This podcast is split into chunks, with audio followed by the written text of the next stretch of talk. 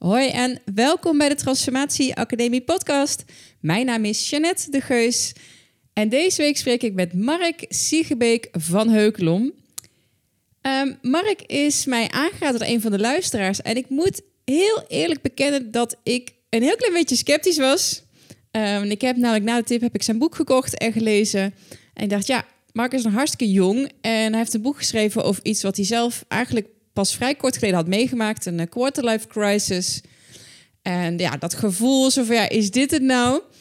Dat is dan ook de titel van dat boek geworden waar ik het over heb. En gelukkig bleek die sceptisch onterecht, want het gesprek met Mark voelde als een gesprek tussen twee medereizigers, medereizigers die zich op hetzelfde pad uh, bevinden.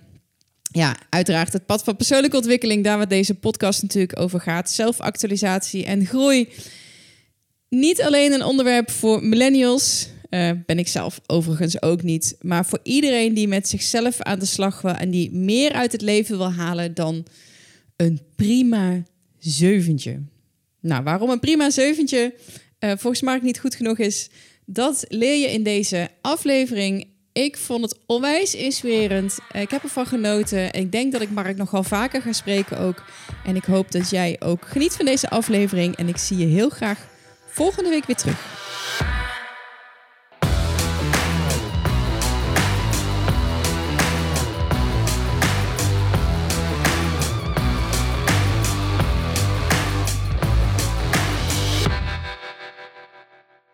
Hey Mark, welkom.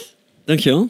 Leuk dat ik hier uh, mocht zijn. Ja, leuk dat je er bent. Voor jouw uh, boekenkast, ja. waar ik al heel veel uh, boeken spotten die ik ook heb gelezen of nog op mijn wensenlijstje staan. Ja, ja. Stof, ja, we zitten al een beetje in hetzelfde, hetzelfde traject misschien wel. Mm -hmm. Ja. Maar goed, wie ben je? Wil je jezelf eventjes voorstellen voor degenen die luisteren of kijken? Dat wil ik. Um, de grote vraag is dan altijd, waar begin ik? Wat ga ik zeggen? Um, mijn naam is Mark Siegenbeek van Heukelom en ik ben uh, de makkelijkste manier is door te zeggen dat ik quarterlife expert ben. Um, dat houdt zoveel in als uh, dat er ooit het ding was dat de midlife crisis heette. Um, en uh, dan was je ergens rond je 40ste, 50ste. Uh, en stelde jezelf de vraag: is dit het nou? Heb ik nou al die jaren carrière hiervoor opge of alles ervoor ingestopt, dit allemaal gedaan? En, en dat loste je dan op met een minnaar of minnares en een sportauto. Zo ging dat en een toepetje. ja, precies. En een toepetje. En um, ja, dat, datzelfde sentiment dat bestaat nog steeds, ook binnen die groep, maar het is ook naar voren gekomen. Dus je ziet nu al dat de, de vraag is dit het nou veel, veel jongere leeftijd al gesteld wordt. Dus wat ik zie is dat mensen, ik werk met hoogopgeleide jong professionals tussen de 24 en 36. Dat zijn uh, ja, ambitieuze, slimme, uh, open-minded mensen die, die over dingen nadenken en op een gegeven moment op een punt komen, vaak na een jaar of twee, drie werken, soms wat langer, soms al wat eerder. Um, um, maar ja, op datzelfde punt komen van oké, um, nu heb ik dus alles waar ik al die tijd naartoe heb gewerkt voor elkaar. Ik heb uh, de goede baan, ik heb een uh, mooie, mooie huis waar ik woon, ik heb fijne vrienden, ik heb misschien zelfs een relatie, een auto, nou noem maar op. Op papier klopt mijn leven helemaal. Dus dat wat de maatschappij me altijd heeft voorgeschreven, van dit is wat je moet doen om gelukkig te worden, dat heb ik allemaal gedaan. Maar waarom voel ik het dan niet? Nou, dat, dat zullen ze niet zo letterlijk zeggen, maar dat is wel uh, ongeveer het sentiment dat er speelt. Um, en die mensen help ik om wat meer richting in hun leven te vinden, om, om wat dichter te komen bij wat echt belangrijk voor hen is. Um, uh, en wat minder te leven naar nou ja, wat de maatschappij altijd van je verlangde.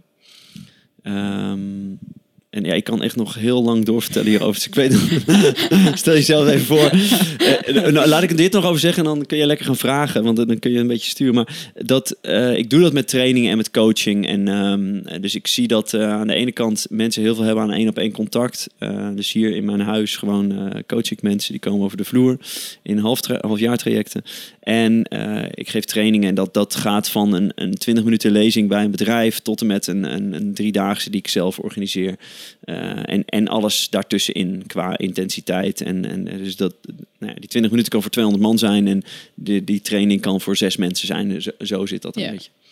Ja, je spreadt the gospel. Je hebt, je hebt een verhaal en dat Ja. wil je gewoon op wat voor manier dan ook gewoon overbrengen aan de mensen. Dat, dat distilleer ik uit. Ja, en vooral, ehm, het gaat mij ook wel echt om de inspiratie. Dus dat mensen voelen van, oh ja, ik, ik, ik kan hier zelf wat mee gaan doen.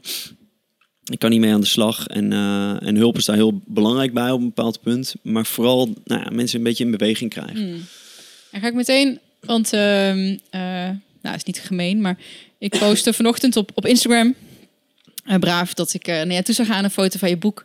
En ik stelde daar ook de vraag van, hè, als jij nu op dit moment je leven en cijfers zou mogen geven, wat is het dan? Want dat is ook een van je vragen die je mensen laat doen in je trainingen. Ja. En toen reageerde een van mijn kennissen met... ja, ik zie er ook wel een probleem in. Want het is toch zo dat als je een dak boven je hoofd hebt... en te eten hebt en je ervaart liefde... ehm, dat je toch gewoon gelukkig moet zijn. Van waarom dan nog streven naar die elf? Ja, Weet je wel? En ik denk dat dat wel ja. een hele mooie discussiepunt is. Van, hey, zijn we niet gewoon al een beetje verwend dan of zo? Of, Ja. ik kan me best voorstellen dat, dat, dat jou dat ook misschien wel wordt verweten. Zo van, ja, hey, wat zul je nou? Weet je Mm. wel? Je hebt alle vrijheden. We hebben het Ja. nog nooit zo goed gehad. Nou, dus, oké, dit is heel leuk. Want dit is super interessant. Ehm, dus wat ik ook wel in, in trainingen doe, is... Dus er spelen twee dingen. Kijk, we we hadden het net al even voordat we de, de, de, de microfoons aangooiden... over het verschil tussen quarterlifers en generatie eh, I. Dus de, generatie I is een, een generatie. ehm, en quarterlifers is, dat is een levensfase. Ehm, en ehm, wat, nou, eh, op dit moment vallen die redelijk samen. Dus, dus mensen van generatie I bevinden zich op dit moment in de quarterlife levensfase. Ik hou me vooral met die quarterlives bezig, maar ik heb dus wel met, die, met generatie I te maken. En wat hen vaak verweten wordt, is dat zij ehm, verwend zijn. Dus dat we bij het minste of geringste, dan gaan we daarover lopen piepen en mimelen en zeuren. Ehm, en we zouden gewoon eens tevreden moeten zijn met wat we al hebben. Ja, want de piramide van Maslow is al helemaal ingevuld. We hebben... We zijn veilig, we, zijn e- we hebben eten, er is zekerheid, er is liefde. Ja, ik vraag me af of die helemaal is ingevuld, want ehm, eh, eh, de, de laag 5, dat topje, da- daar zijn wij natuurlijk mee bezig. Ja, Daar is waar deze ja. vraag uit voortkomt. Ja. Dus hij is niet helemaal ingevuld. Maar, ehm, maar kijk, wat je ziet is dat het is gewoon waar wat, wat hè, de, de generatie boven ons roept voor, voor een bepaald gedeelte van ons leven. Dus het is super belangrijk op dit punt onderscheid te maken tussen wat first world problems zijn, waar we eigenlijk niet over zouden mogen bitchen, en, en wat dingen zijn waar we wel gewoon echt last van hebben. Dus een paar voorbeelden. Ehm, eh, ik laat altijd in trainingen een, een ehm, eh, misschien, ik weet niet of je met linkjes werkt, kunnen we nog even een linkje Oh, posten zeker, ja. van een, een supergoeie, eh, eh, mooie, rake reclame van volgens mij is het een Franse NGO of zo. En wat ze hebben gedaan, ze hebben de typische first world, first world problems waar jij en ik tegenaan lopen, hebben ze uit laten spreken voor de camera door Afrikanen die gewoon ergens in de, in de bush bush wonen. Dus dan, dan, dan zie je zo'n zo'n vent, eh, in, een Afrikaan ergens voor een, voor een leme huisje staan, die dan zegt... ehm, eh, I hate it when my neighbors block their wifi. En dan zie je iemand anders zeggen van... ehm, eh, I hate it when my charger is downstairs. Eh, van echt van die typische dingen waarvan je denkt: oh ja, ehm, I hate it when I need two wireless, eh, wireless routers because my house is too big. Nou, dat soort dingen, daar komen ze dan mee. En, ehm, en ik vraag altijd aan die mensen, wie herkent dit? En, en iedereen herkent die first world problems. Dus we, we, hebben allemaal op het toilet zitten en je telefoon niet bij je hebben, dan slaat bij iedereen paniek toe, weet je wel? Ja, dan, dan is het leven ineens kut. Ehm, en, en ik was laatst een weekendje weg met mijn vriendin en eh, we waren in Antwerpen. We hadden een heerlijk weekend. En op een gegeven moment stoot ze me zo aan en zegt ze... Mark, weet je waar ik nou het hele weekend last van heb? Dat is dat enkelsokje dat de hele tijd zo over mijn hak afglijdt. En we moesten super hard lachen met z'n tweeën, omdat we het concept van first world, first world problems begrijpen. En, en dus toen ook tegen elkaar zeiden, oké, als dit het ergste is waar we last van hebben, dan hebben we echt een super goed weekend, super relaxed. En, eh, en, en op, hè, dus wat ik mensen in zo'n training laat doen, is gewoon eens even een, een lijstje maken met dingen waar je tevreden over bent. Een lijstje met mensen wie je dankbaar bent en waarvoor, et cetera. Dus we zouden dankbaarheid en tevredenheid echt veel meer mogen beoefenen. Eh, omdat we dat ergens, weet je, dat, dat, dat deden ze binnen de religies. En, en daar, daar zit heel veel wijsheid die we in deze sec- seculiere maatschappij zijn kwijtgeraakt. Maar ja, waar we. Dus in elk lijstje van, van onderzoek dat gedaan wordt naar hoe word je nou gelukkig, staat ergens count, count your blessings. Doe iets met actief dankbaarheid beoefenen. Dus elke goeroe zal je dat roepen. Maar we doen het ondertussen niet. Ja. Ehm, eh, op de, de volgers van Tony Robbins na, denk ik ongeveer. Want die heeft zijn eh, drie minuten meditatie met dankbaarheid. Nou, maar dat Ja, maar- zijn... En ook die, dat, daar heb je ook van die, sorry dat ik je eh Nee, tuurlijk. reden van, maar ook daar heb je mensen die, die keer op keer op keer naar events gaan. En dan even een quick fix, even weer. Ja. En vervolgens weer wegzakken in het het dan weer niet doen. Ja, dat zijn de seminar junkies. En, ja, dat eh, was de, dat ja, was de term. ja, ja. en die, die hebben dat de hele tijd die, die hit nodig. Terwijl je kunt jezelf dat geven. Ja. Hè, dus eh, ik doe het, nou, ik zal heel eerlijk zijn, het is nu een beetje ingekakt qua, ehm, eh, qua frequentie. Maar ik heb dat heel lang echt elke week gedaan. Ik zit nu eerder op de 1 in, één in de 3 of de 4 weken. Ehm, en dat is gewoon, nou ja, we hadden het al even over mission statements, dat soort dingen. Ik heb een mission statement, die lees ik dan op zondagavond voor. En een van mijn leefregels is, ehm, ik hou bij waar ik tevreden over ben en aan wie ik dankbaar ben. Dus ik heb dat tijdenlang gewoon elke week gedaan. Elke week gewoon. En daar was ik best wel even mee bezig. En dan, ik keek dan ook wel weer tegenop. Pff, Ga ik dat weer doen? Nou, oké. Maar het gaf zo'n fijn gevoel om even voor mezelf de week terug te kijken. En, en te zien dat ik gewoon 20, 30 dingen op een lijstje kon zetten waarvan ik denk, nou, dat heb ik eigenlijk best wel goed gedaan. Oh, ik ben best wel tevreden met mezelf. En dan 20, 30 mensen aan wie ik dankbaar was. Dat ik wow, wat heb ik een rijk leven. Dat al deze mensen met mij de afgelopen week in één week tijd wilden verbinden. ehm, eh, wilden delen, kwetsbaar durfden te zijn, me hebben geholpen, er voor me waren. Nou, noem maar op. Dus er zit daar echt iets wat we veel meer mogen doen. Nou, nu komt het grote maar, maar er is ook de andere kant. Dus eh, Alain de Botton van de School of Life, eh, die, die zegt het heel mooi, een filosoof, ehm, dat het niet eerlijk is om tegen iemand die gewoon in een baan zit waar die echt geen plezier in heeft, of, of, met, of in een relatie die echt niet bevalt, om dan te zeggen, ja, maar je moet gewoon tevreden zijn met wat je hebt. En niet zo zeuren en gewoon doorpakken. Het, je, je, je spendeert daar 40 uur eh, of meer eh, per week, ehm, en met een relatie misschien nog wel meer. Als dat niet klopt, dan heb je gewoon een probleem waar je wat aan mag doen. En, en helaas wordt, worden dat soort sentimenten, dus bijvoorbeeld in je werk, is dit het nou ervaren, wordt dan makkelijk weggezet als first world problem. Maar ja, het is belangrijk om ze uit elkaar te trekken. Er zijn die first world problems waar we ons ja, eigenlijk niet over, waar we niet over mogen klagen. En die dingen waar je juist wat aan mag doen. eh, ik denk dat misschien de, de, de vraag die ik kreeg ook wel voortkwam uit een... Als je continu aan het jagen bent naar beter...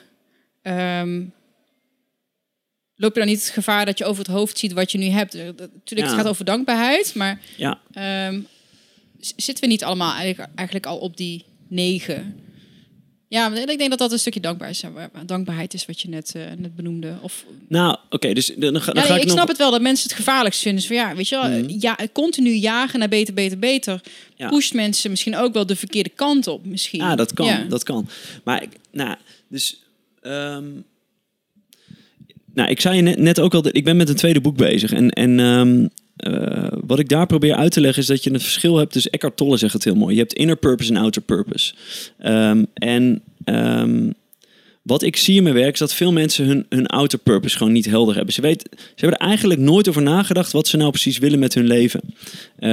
En het kost gewoon bakken energie. Het kost heel veel energie om de hele dag iemand anders te zijn dan je eigenlijk bent. En dus als je voortdurend naar een plaatje opleeft, van ik, ik moet hier en daar aan voldoen, dat, dat vreet energie.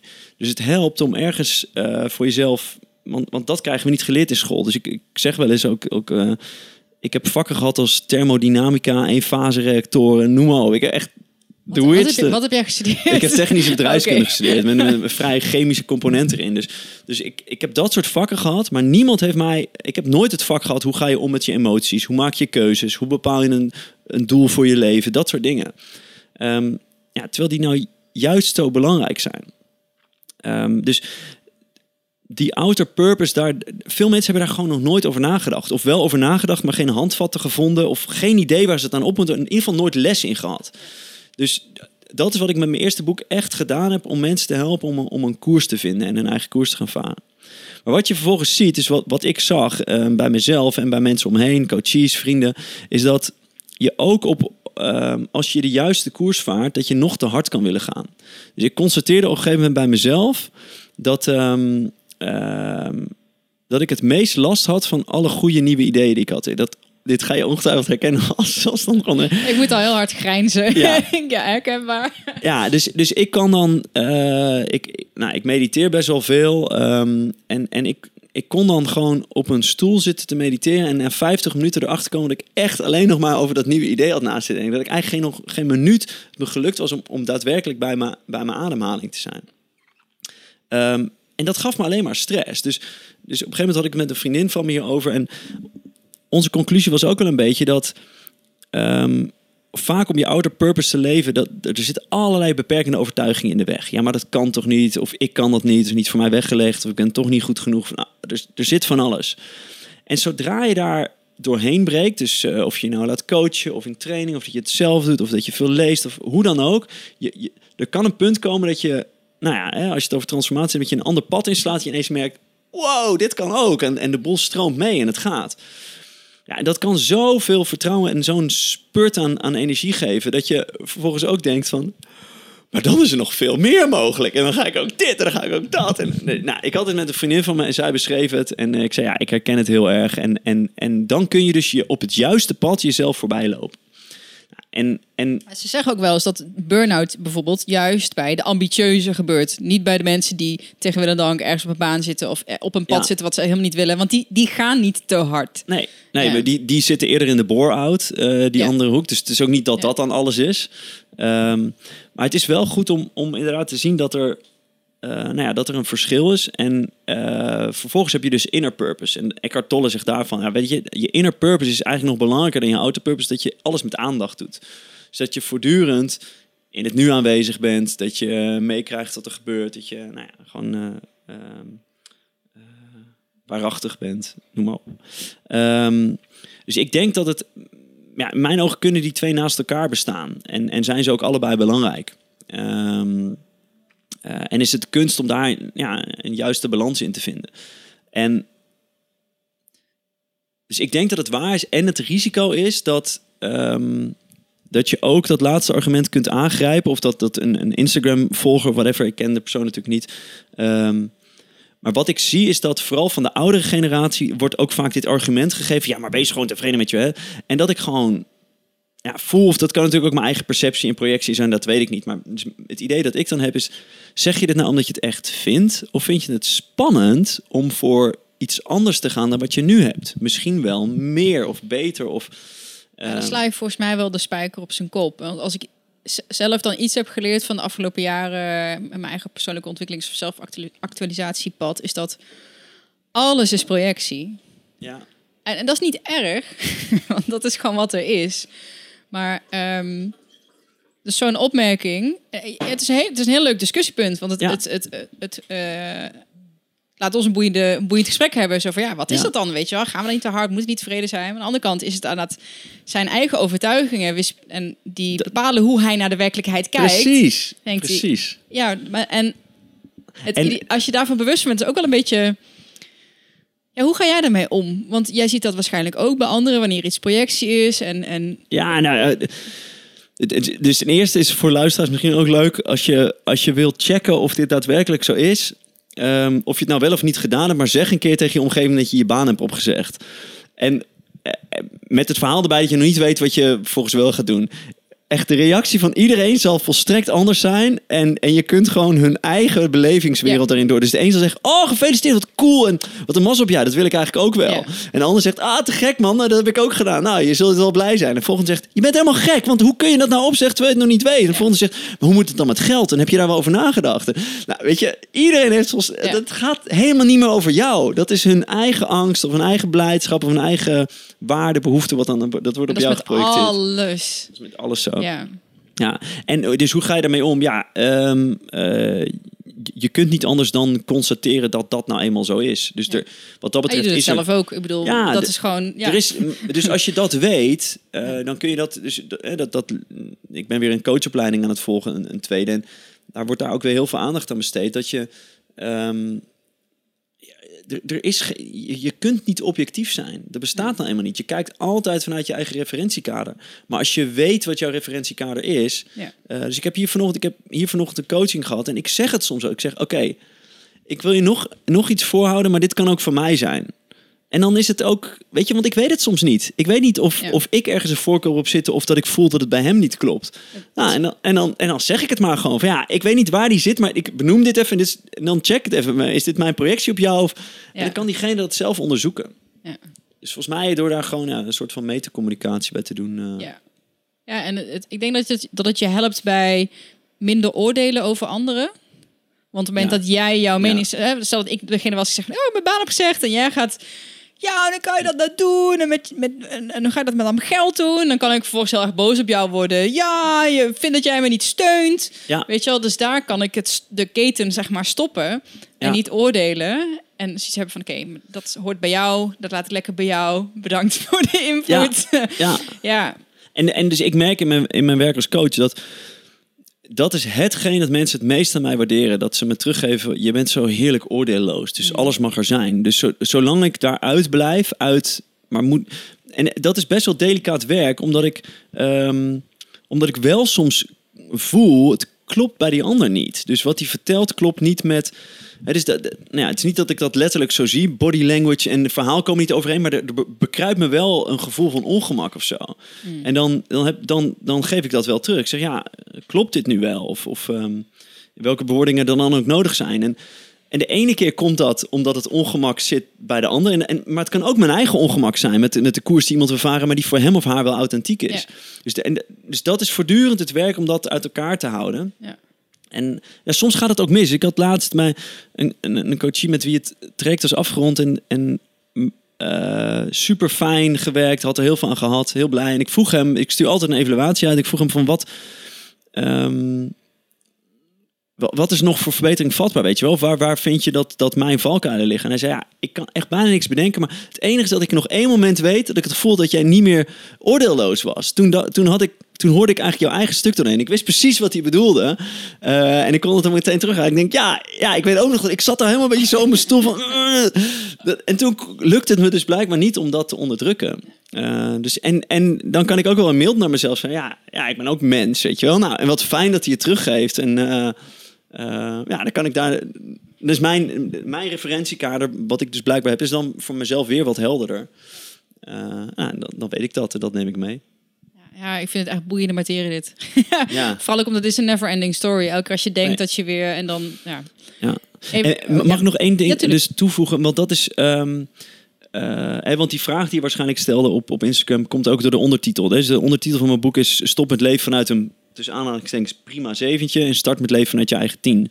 En ehm, eh, daar, ik krijg daar vaker commentaar op. Dus juist ook van, van die doelgroep die zegt ja, Jezus, dan moet ik. pff, het moest allemaal al eh, perfect en ambitieus. En dan moet ik ook nog een 10 gaan halen.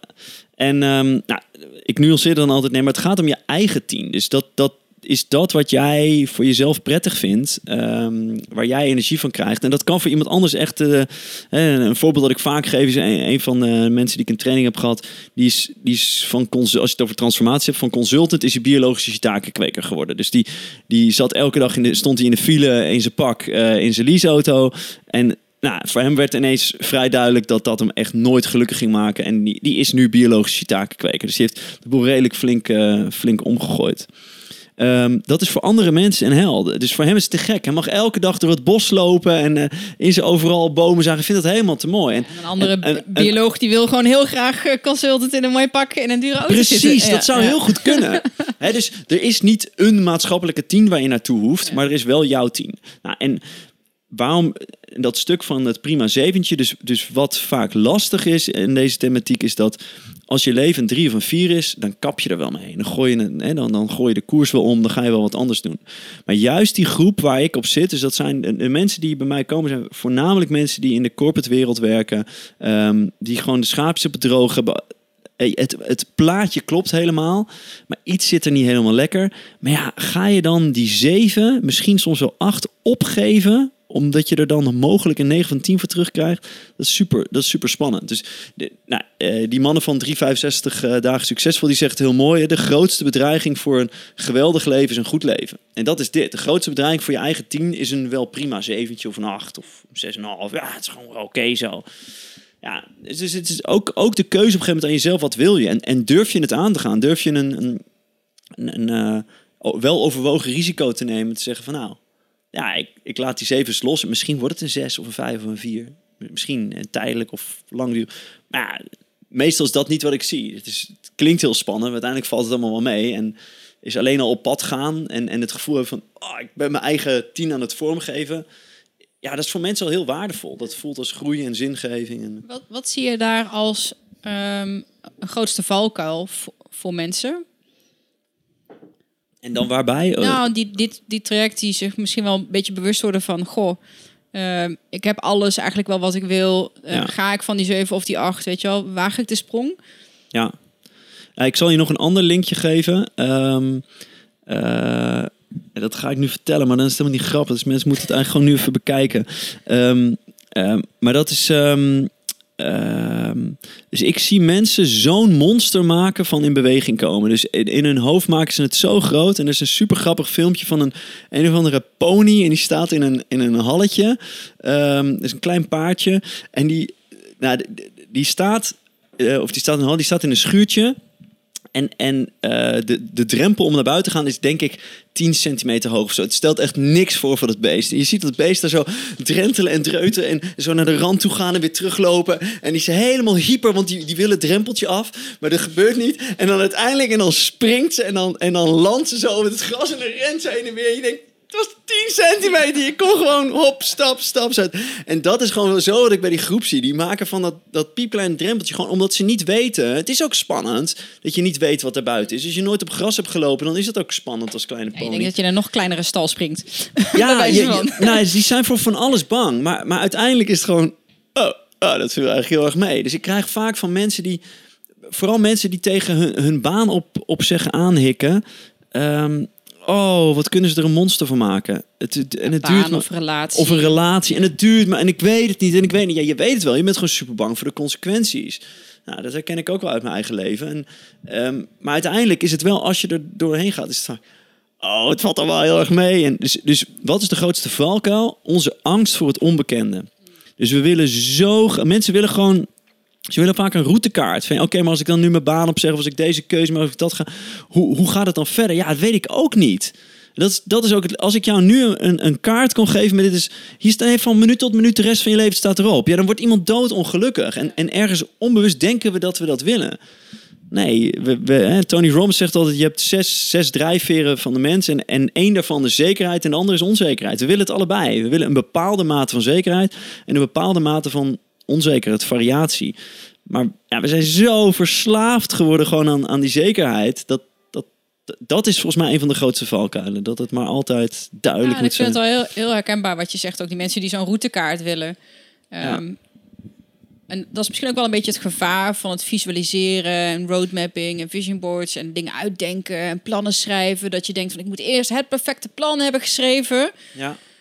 Alles tegen elkaar afgewogen, alle sommetjes gemaakt. En pas als dat helemaal positief is, dan ga ik de stap wagen. Terwijl ik zie dat het juist... Weet je, be- better done than perfect. Ga gewoon. Ja. Want hoe jij denkt dat het gaat Ja. zijn... Ik kan je één ding garanderen, is dat het dat niet, dat het dat niet is. Ja, Ehm, maar je moet het wel gaan doen om erachter te komen, zeg maar, wat het dan is. ja, En ik hoorde een keer in een seminar een mevrouw, en ik heb het ook al vaker in de podcast gezegd, die, die had zoiets van, ja, maar wat als het dan mislukt? ja. Hoera, denk ik dan. Weet Ja. je wel? Dan weet je in ieder geval wat, wat het niet is. Ja, je, omdat je het niet weet. Je moet Ja. gewoon dingen proberen. Je moet het gewoon in, in real life. En het probleem is dan in je hoofd, denk ik, blijven zitten. Zo van, en die zekerheid zoeken in je hoofd. Met ik wil zeker weten dat het zo eindigt. En dat is natuurlijk wel, weet je, de, de schijnzekerheid van een vast contract. Of een koophuis. Of ergens zitten, weet Ja. je. Want dan... dan maar ook dat is gewoon allemaal schijn. Een Ja. bank kan omvallen, ehm, je bedrijf kan ineens eh daarmee stoppen. En dat beseffen mensen zich denk ik Nee. vaak niet. Dat dat ook niet zo zeker Het, is. het, ik vind het, die schijnzekerheid vind ik een hele mooie. Dus ik weet niet of je van Nassim Nicholas Taleb eh, dingen gelezen hebt. hij, hij staat op, ik, heb, eh, ik heb ook zo'n boekenkast. Dan heb ik ook zo'n zo'n stapeltje met nog te lezen. omdat ik altijd iets te fanatiek eh, koop en dan weer geïnspireerd raak. En eh, die staat in het eh, nog te lezen de- rijtje. Ik denk een derde in deze boekkast heb ik ook niet gelezen hoor. Dus, Oeh. maar Taleb is Wel- ook degene die zegt, die juist zegt ja, dat dat een. Iedereen zou gewoon een, een, een hele boekkast vol met ongelezen boeken moeten hebben. Dat is gewoon oh, dat mooi. komt van hem? Nou ja, dat, dat- toevallig komt dat ook van. Dus hij roept dat ook ergens. Dat, dat heeft hij bij ergens Volgens mij heb ik dat ook gelezen. En dat vond ik, ik vond het een heel mooi compliment. Dat het een teken was van een nieuwsgierige geest. Zoiets, ja. Dat je continu hongerig bent naar Ja, kennis. Maar je hebt niet prachtig. genoeg En, tijd en als je dan jezelf de mailtijd gunt dat je het Ja. ook nog niet allemaal gelezen, waarschijnlijk Ja. ook nooit allemaal zult lezen. Ja. Maar wat, wat hij heel mooi, dus hij gaat heel mooi in op die schijnzekerheid. Dus, dus hij legt dat met, met een, een, een, een fantastische quote van hem trouwens is eh, the most addictive things in life: carbohydrates and a monthly salary. Geniaal. Want eh, ja, volgens mij is dat precies waar we met z'n allen volledig aan verslaafd zijn. Maar hij legt het heel mooi uit met... met ehm, eh, ja, doet hij dat volgens mij? Ja, hij zegt eh, het verschil tussen een kantoorklerk ehm, en een taxichauffeur. Of prostitu prostituee, zegt hij dan. Weet je wel, dat vindt, hij vindt het mooi om een beetje daarmee te klooien. Ehm, maar dan legt hij uit dat, dat het, het leven van een, van een freelance taxichauffeur veel, veel onzekerder lijkt. Hè? Want ja, die moet steeds maar weer zien dat hij aan klanten komt.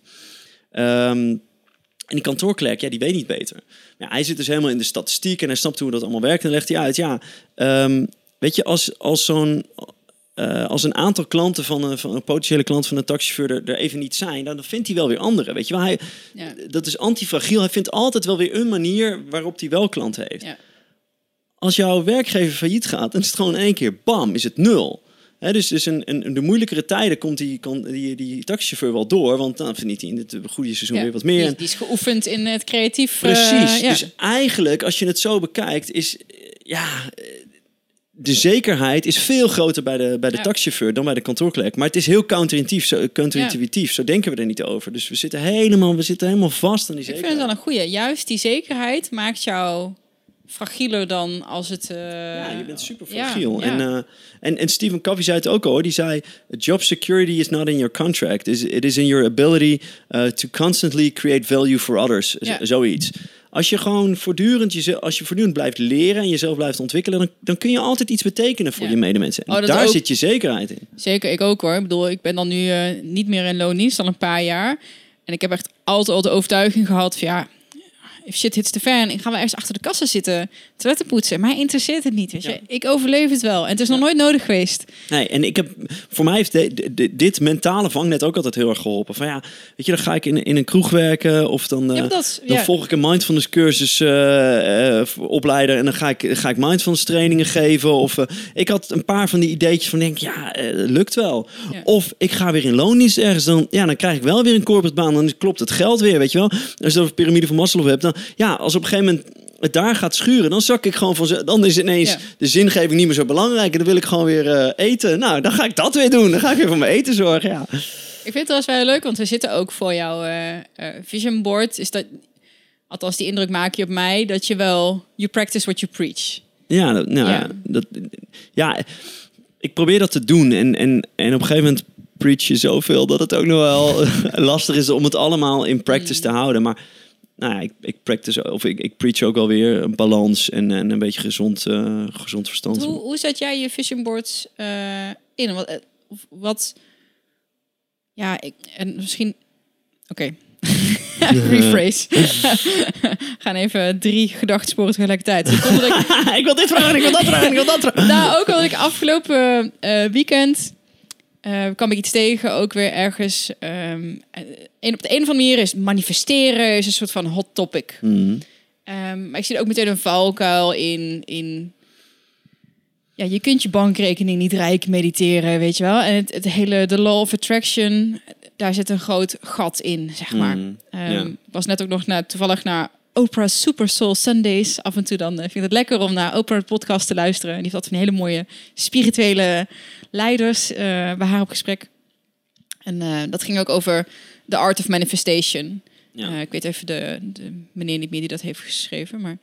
Ik ook ehm, niet. En daar vergeleken ze ook met manifesteren met de law of attraction. Weet je, dat de law of attraction, ja, het is niet aan een fiets denken en op magische wijze verschijnt er een fiets. Mm. Weet je, zo werkt het niet. Het is ook niet, oh, ik maak een vision board met mooie plaatjes en ik kijk daarna en over drie maanden is het magische wijze, is alles wat erop staat, die auto en die vakantie en dat mooie geldbedrag, die, die, die zijn er dan. Ja. En ik merk dat het een beetje bij mij jeukt nu, mm. dat dat hele jezelf je toekomst manifesteren. Ja, ik weet niet waarom dat is. Ik, weet, ik ben er niet helemaal over uit waarom dat bij mij een beetje schuurt met wat ik zie. Misschien is het ook een leeftijdsding. Uh, dat ik nu de millennials wel allemaal een beetje te veel zie doorslaan in het hele maakbare en het. het ehm, ja, ja, sorry. Het is niet nee, maar, echt maar hele ik, ik heb wel honderdduizend lijntjes waar ik wel wat dingen over wil zeggen. Omdat dat, nou, dus um, nu zit ik weer een beetje te denken waar, waar zal ik beginnen. Maar om, met die love dus ik krijg wel eens de vraag van Mark, geloof je dan in, die, in The Secret en de love attraction en dat soort dingen? Um, en weet je, nou, ik, dus mijn, mijn nieuwe boek dat ik het schrijven ben, eh, de titel overigens is helemaal... Attraction. Nee, Ja. nee, dat zou wel grappig zijn. Nou, Nee. Look at the time. Ik moet eh, weg. Het was leuk, leuk Het was gesprek dit. Bedankt dat je helemaal naar, Utrecht wilde Nee, rijden. Ja. de, de titel is helemaal naar de meditering. En het gaat over, over meditatie. En de ondertitel is een, ehm, eh, in ieder geval, waarschijnlijk wordt de ondertitel ehm, een nuchtere introductie op spiritualiteit. Dus het gaat over spiritualiteit, maar voor een doelgroep nuchtere mensen. Dus ik wil juist, er is al genoeg over spiritualiteit geschreven en over meditatie. Maar ik wil nu juist een groep aanspreken die eh, heb ik in trainingen gezien die er eigenlijk niet voor openstaan. Eh, maar als het op een nuchtere manier gebracht wordt, is iets van wow, hier zitten dingen. Oh, da- oh nou, daar daar kan ik wel, daar wil ik wat mee. En wat ik in het waar ik mensen in het boek in meeneem, is dat er twee dingen belangrijk zijn als je die hele spirituele wereld ingaat. Eh, dat is een open mind. Dus dat zijn de meeste rationele rakkers, zoals ik ooit ook was toen ik als ingenieur uit mijn studie kwam lopen.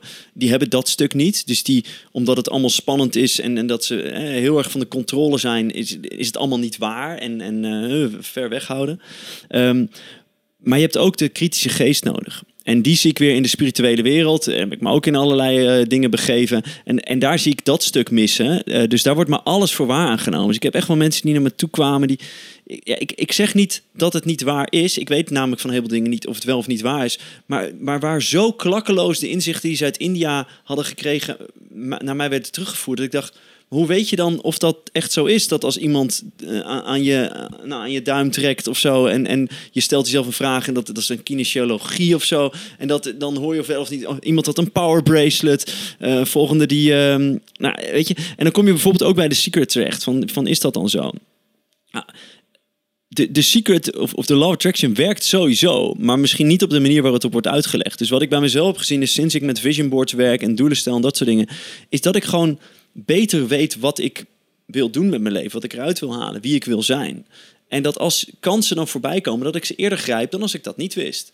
Dus ik heb een moment gehad dat ik voor mezelf net een persoonlijk businessmodel had gemaakt waarin stond dat ik coach wilde worden, dat ik meer met coaching wilde doen. Ik was toen net voor mezelf begonnen. Ik zat voornamelijk op het pad van consultancy en trainerschap. Ehm, en dat ik een, een start-up aan het helpen was met, met hun businessmodel uit te werken. En dat ze het super fijn vonden. Ehm, en toen zeiden, kun je niet vaker langskomen de komende tijd? Ik zei, ja, eh, hartstikke leuk. En, maar het waren twee dames. Het zijn die, die compagnon die zei van... eh, ja, maar we, we hebben eigenlijk gewoon teamcoaching nodig. We moeten eigenlijk een coach hebben nog veel meer dan dit.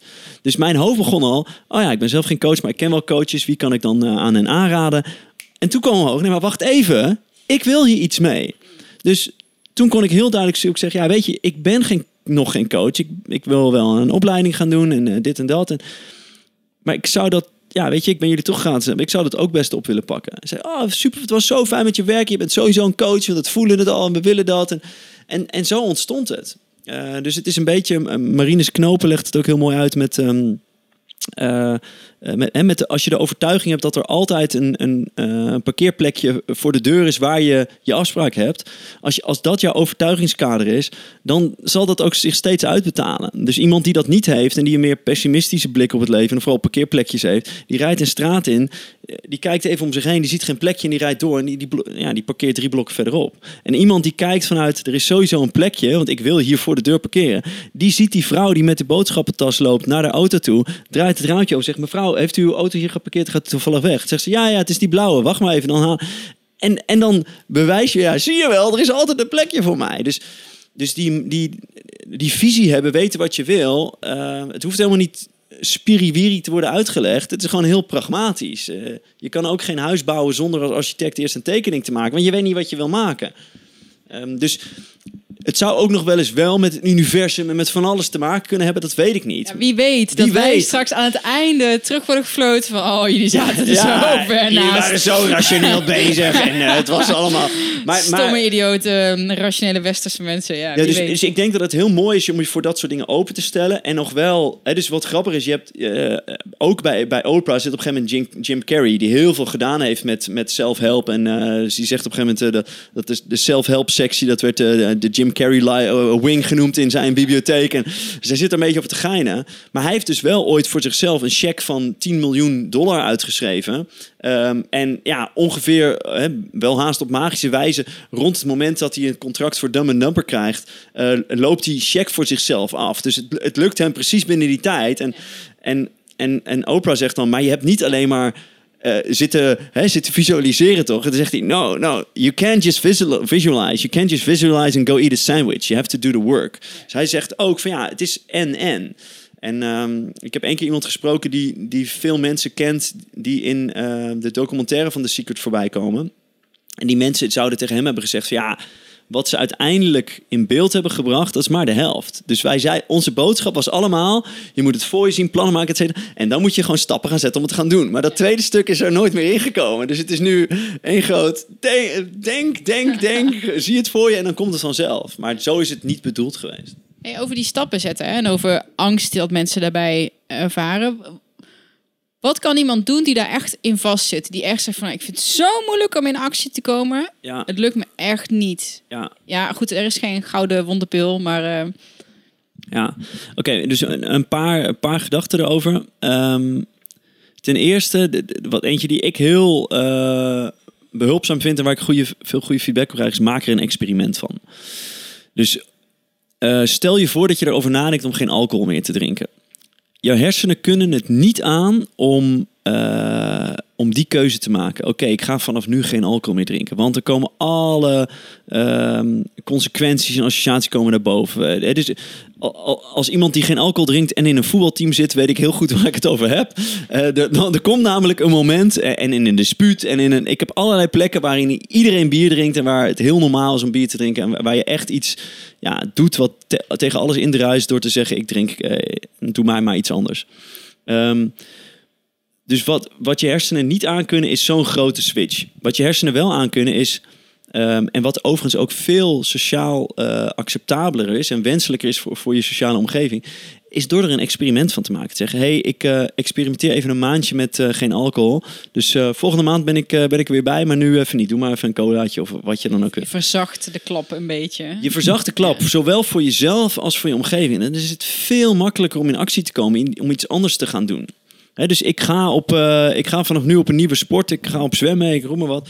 Dat, dat, is, ja, dat is veel spannender voor, voor jou en je omgeving dan ik ga een keer een proefles zwemmen doen en kijken wat ik ervan vind. Of ik ga het een maandje uitproberen of what- whatever. Eh, dus, dus dat kan een hele waardevolle zijn. Maak er experimenten van. Ja. Die ook mogen mislukken. Dus dat je ook aan het eind kunt zeggen: Oké, ja, ik vond echt. Ja, mijn leven was echt super saai zonder alcohol. Of ik vind zwemmen echt helemaal kut. En dan laat je het in. En dan zeg je: Oh, wat mooi, ik heb het wel gewoon geprobeerd. En- Wat was jouw... eh, is er een experiment in jouw eigen leven geweest wat eh, gigantisch gefaald is? Waar je zegt, nou, dit was leuk, maar dit, eh, dat ga ik niet doorzetten. Oeh. Oeh, dan moet ik even goed nadenken. Die is er ongetwijfeld, maar ik zit nu even te denken wat. ehm,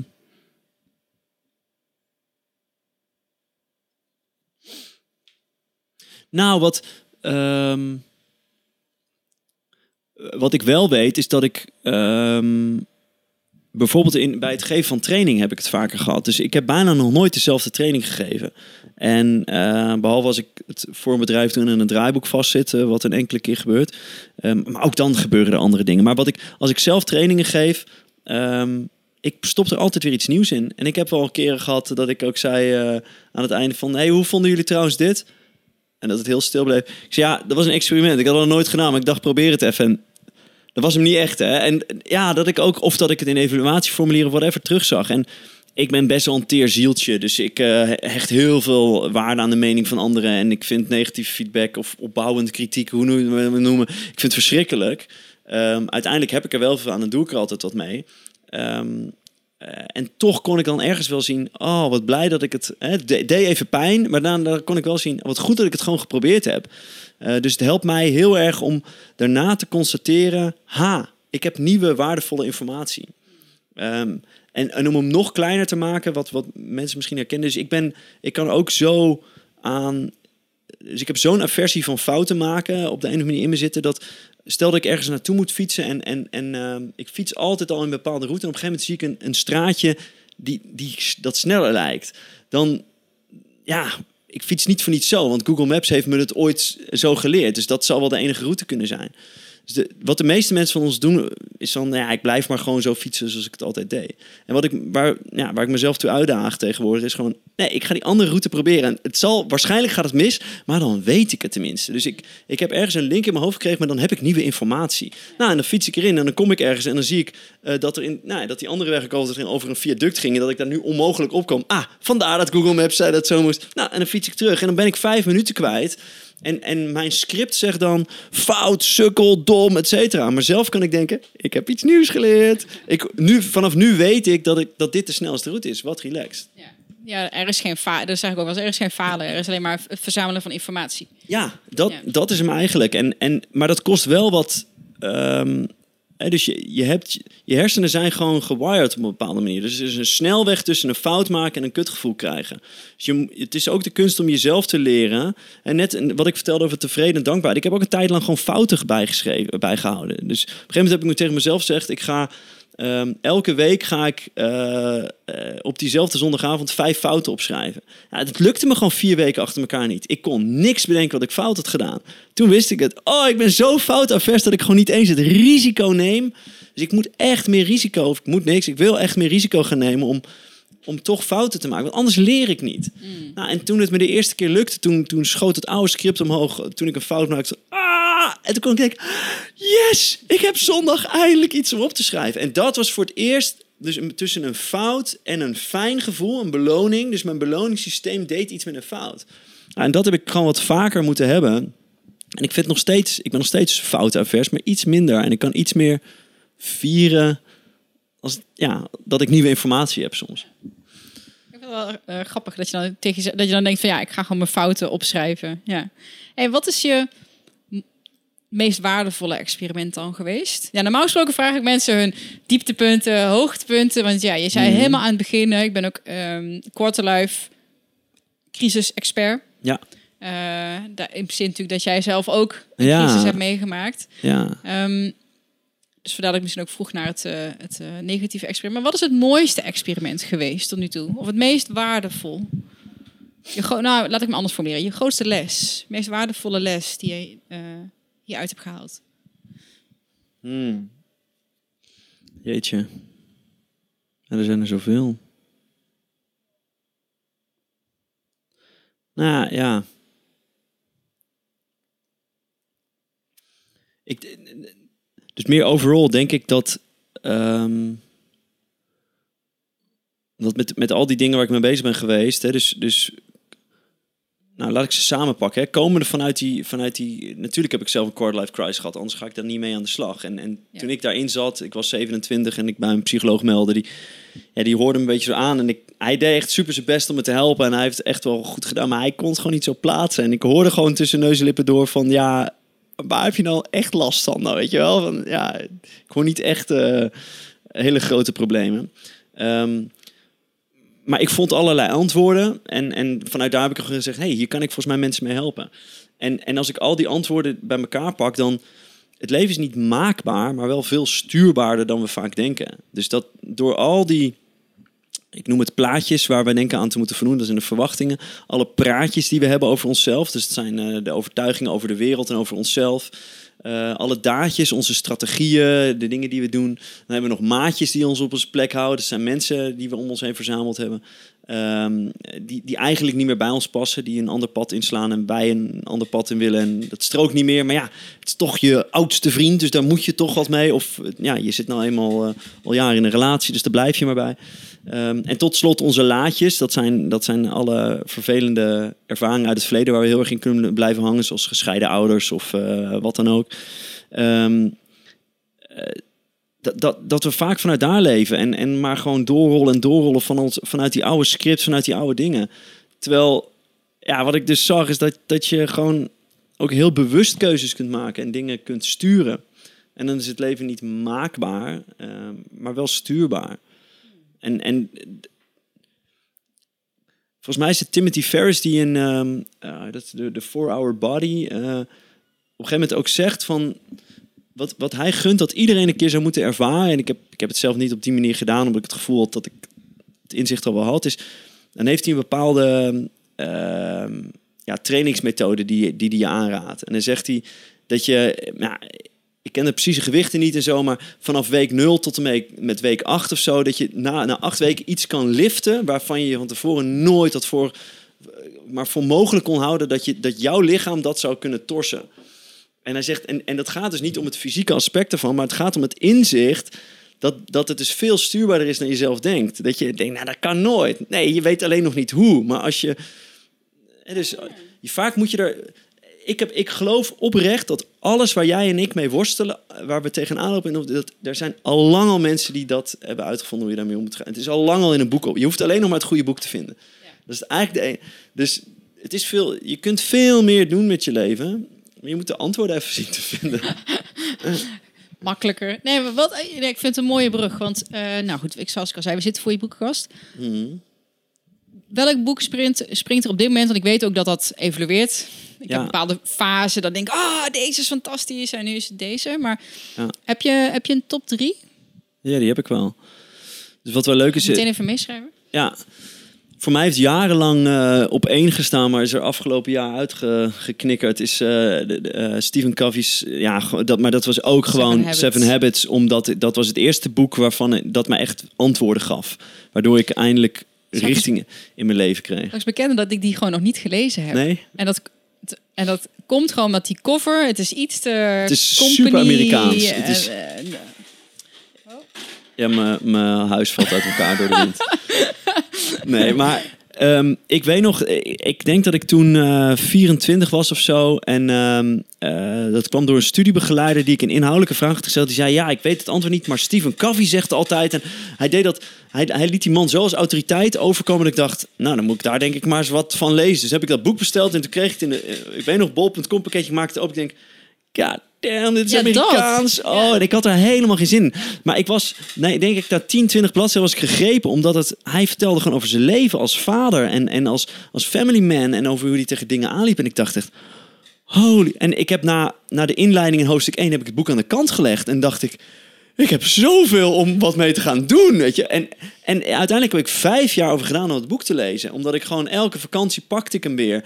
En, en dan las ik een, wat ik al gelezen had, las ik opnieuw en een hoofdstuk erbij. En dan dacht ik, nou, ik heb weer even genoeg. En, dus dat was, nadat ik een paar boeken had gelezen die me vooral, eh, die gingen over hoe groot de wereld is en, en, de sterren. En, en die me helemaal ja, van het padje bijna brachten. Dat ik niet meer wist waar ik moest zoeken en wat mijn leven voor zin had. En zo gaf hij me ja, de tools om zelf zin te geven aan je leven. Dus dat was voor mij super belangrijk. Dus hij heeft jarenlang op één gestaan en hij is er dit jaar, afgelopen jaar, is hij er vanaf gegaan door ehm Yuval Noah Harari, eh, Sapiens en Homo Deus. Ehm, en eh, ja, ik vind het gewoon echt waanzinnig hoe die man uitlegt hoe de, hoe de wereld, ja, hoe de, de mensheid geworden is tot wat hij is. Eh, het vak dat ik het verschrikkelijkst vond vroeger, geschiedenis, heeft hij voor mij echt op een prachtige manier neergezet. En, en hoe hij ook in Homo Deus vooral laat zien dat waar we, waar we nu zijn, dus een soort van van Big Bang tot waar we nu zijn, dat het niet per definitie zo is dat we hier zouden komen. Dat er ook gewoon een paar afslagen in daar zijn genomen. Dat, dat als we naar een andere kant waren gaan, dat dat nu anders was. Dus hij zegt, eh, zegt op een gegeven moment, ik weet niet of ik de metafoor kan herhalen, maar op een, he- een hele mooie manier iets van ehm, de, de, de rol van een historicus is om, om de grip van het verleden op de toekomst, om, om die te ontwrichten. Zodat je ineens ziet, oh, we zijn helemaal niet, het hoeft niet zo te zijn zoals het nu is. Het is ook door, door toevalligheden in het verleden zijn we hier gekomen. Dus we kunnen ook besluiten om, om een andere kant op te gaan. Ja. En, en, en ja, eh, hoe hij laat zien. Nou, ik, ik heb later, ik heb, daarna heb ik nog een, eh, ik heb een ayahuasca ceremonie meegemaakt eh, een paar weken, een paar maanden geleden. Waar ik, het, waar ik zelf kon zien dat wij mensen ook maar gewoon dieren zijn. Dat we dat er gewoon echt dieren zijn met, met grootheidswaan. Ik vind het echt super grappig dat je dat zegt. Ik zat vorige week bij eh, Paul Smit. Eh, het had ik, het had ik net daarvoor had ik Earth, die documentaire, gekeken. Ja, En in één keer zag ik het. We zijn gewoon zakjes DNA. Wij gaan gewoon zakjes DNA die net als een worm gewoon over die aarde bewegen. Ja. M- Met toevallig een heel mooi eh, brein Met een, met een fantastisch, eh, voortdurend kwekkend verhaal erbij. Ja, ook dat. Ja. Ja, maar we zijn gewoon eh, ja, gewoon beesten, inderdaad. Ja, en, en ik. Weet, ik weet in die ayahuasca ineens kon, kon ik zien dat, nou, een beetje plat gezegd, ik zeg ja, ik wil gewoon vreten, neuken en schijten en, en, dat, en, en dat, dat is het eigenlijk. Dat, Voortplatten. ja, dat. Is, dat is wat ik wil doen. Eh, oh ja, en, en er is nog zo'n verhaal dat er van alles bij bedenkt. Maar als ik heel eerlijk ben, dan ben ik, ben ik ook gewoon een, een dier. En, nou ja, dus dat, maar dat is mijn ervaring geweest. Harari legt het gewoon zo mooi uit. Hè? Dus de, de, de premise van het hele boek Sapiens is ook van... er waren vier soorten mensen. Hè? Er was homo eh, erectus, homo dit, en de Neandertaler, noem maar op.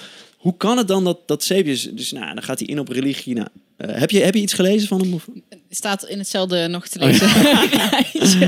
ja, dus- ik heb er niet zoveel mooie boeken uit. Dat je, je begint over ayahuasca, dat is de volgende die ik wel echt ga lezen. Eh, Michael Pollan, mijn grote held als het gaat over eh eet echt eten, zeg maar. Ja. Die heeft een boek geschreven over psychedelica. Ah. Dat is een enorme pil. Dus dat wordt mijn volgende waar Oh, ik mijn tanden in ga zetten. Oeh, dat klinkt goed, ja. Ja, ja, maar vooral ook om, om echt, echt een gerenommeerde wetenschapsjournalist. Ja? Want Pollen is echt groot. Ze heeft over agricultuur geschreven, over voeding en echt, ja. eh, om die dan Oeh, het onderwerp psychedelica op te zien pakken. Ja. Ja, het, Ik wil ook. ja. Want, eh, deze wat triggerde jou om ayahuasca te gaan doen trouwens? Want volgens mij... Mag ik nog een derde aan de, de top Ja, drie oh sorry. Oh, of course. Ja. En, en dan ga ik daar, Ja, daarop ja. in. Ehm, dus ergens heb ik er... eh, Ik kom uit de corporate wereld. eh, afgeknapt op, op, het, op het blauwe karakter. eh, het bureaucratische, het rode karakter. De, de machtsspelletjes.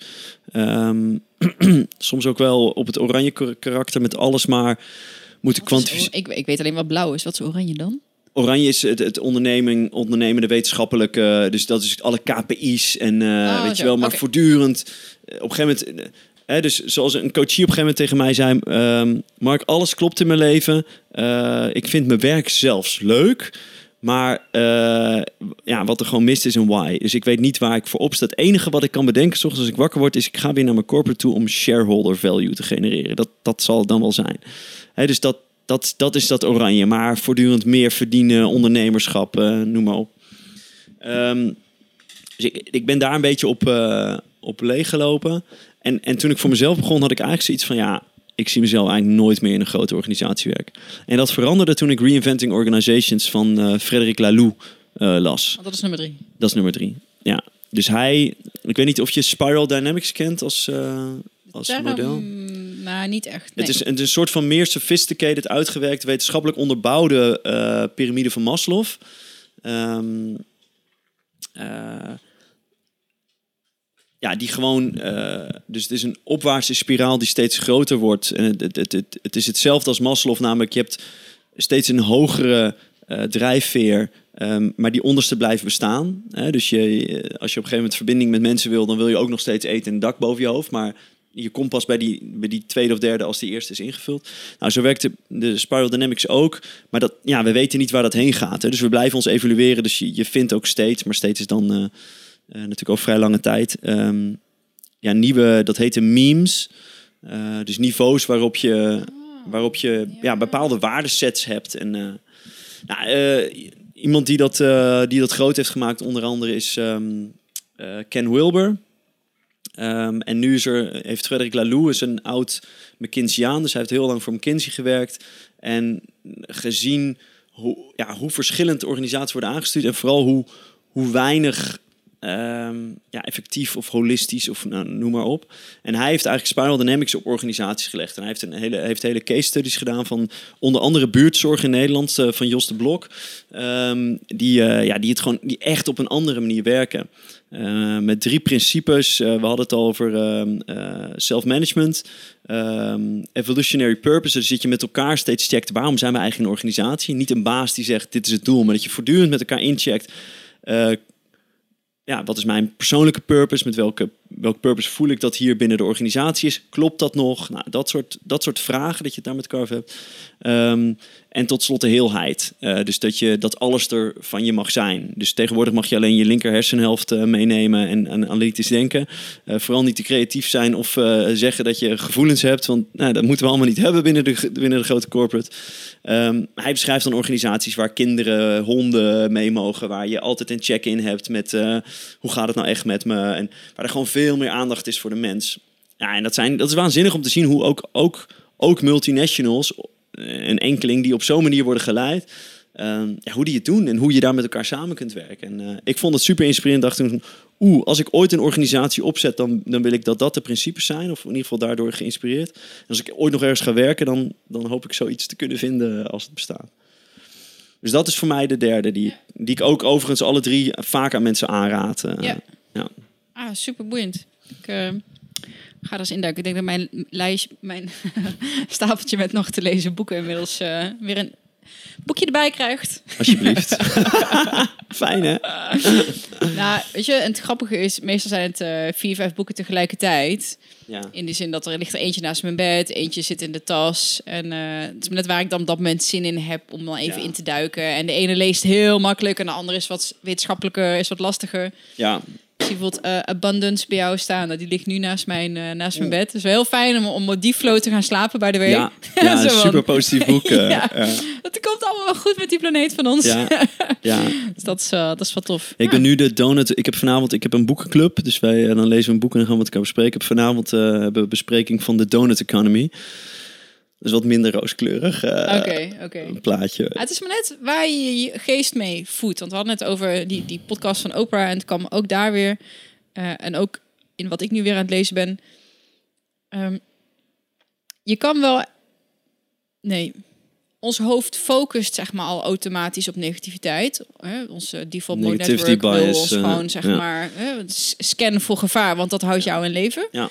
Ehm, dus dat het wel echt onwijs belangrijk is om daar een positieve noot tegenover Mm. te zetten. En jij, je noemde al, denk ik al twee of drie keer zeg maar, de invloed van je omgeving. Hè, bij die Ja. experimenten en bij het... eh, ehm, eh, maar ook als, als obstakel, als, als mensen moeilijk vinden om die stap te zetten. Ja. Eh, voor, voor mij is de omgeving alles. Hmm. Dat zijn zowel de mensen als de, ehm, de boeken. Ja. eh, en de, de tele- ja, ik kijk geen televisie meer. Nee. ik luister ook geen radio. Nee. Ehm, en laatst was de radio weer een keer aan. dacht ik, ja, jezus, wat een gezeur, man. Ja. Oh, is er weer ergens in een fabriek afgebrand? Ja, so be it, weet Ja. je wel. B- Ben ik een slechter mens nu ik dit niet weet? Nee hoor, ik denk dat ik veel eh, rustiger en gelukkiger ben qua Ja. overprikkeldheid. Geen Facebook meer op mijn telefoon. Nee. Dus dat... eh, Nee, ja, ik herken dit heel erg. Dus ik, ik heb ook aan al deze knoppen gedraaid ooit. En, eh, ja. Dus eh, bij mij is dus ik, ik kijk al jaren geen televisie meer. Behalve dan eh, nu met het WK, dan staat de voetbal aan. Want dat, ja, weet je, dat vind ik echt heel leuk. Dus dat kijk ik. Ja. Ehm, en voor de rest, eh, natuurlijk gebruik ik ook wel Netflix en zo. Maar ik laat me niet. Ik wil zelf bepalen waar ik me mee voed. Ja, de dat is het. Ja, Ja, en de meeste mensen die, die ja, het is een beetje alsof ze, of ze in een gaarkeuken staan en maar gewoon vreten wat er op een bord komt. En dat ergens eh, eten wat, wat de pot schaft is natuurlijk een, mo- een mooi principe als je niet anders kunt. Maar als je de keuze hebt, kies dan iets wat je voedt, wat Ja. gezond is.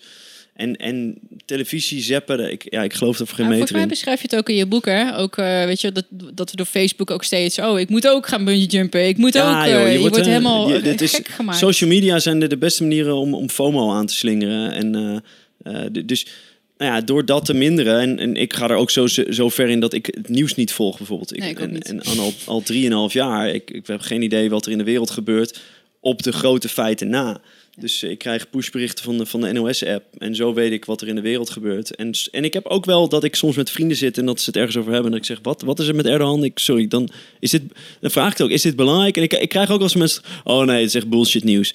En dan, oh, dan hoef ik het ook niet te weten. En soms zeg je, ja, dat is wel een groot dingetje. Er is zus en zo aan de hand. En, eh, Ja. eh, nou ja, en, en, maar ik heb dus ook wel momenten gehad dat iedereen zei van... ga jij naar Turkije toe op vakantie? Ga je dat nou wat doen? Want het is heel onrustig en dit en dat. Ik zei, nou, ja, ik volg het nieuws niet, dus ik weet eigenlijk niet wat er aan de hand is. En ik ben even gaan googlen en ik dacht, nou, volgens mij is er niet zoveel aan de hand. En ja, ik was er en er was niks aan de hand. En ik kwam terug en ik dacht, ik weet niet, maar jullie zijn zo bang doordat je gewoon het Ja. nieuws volgt. Terwijl je geen idee hebt wat je Ik heb aantreft het zelfs met het weerbericht.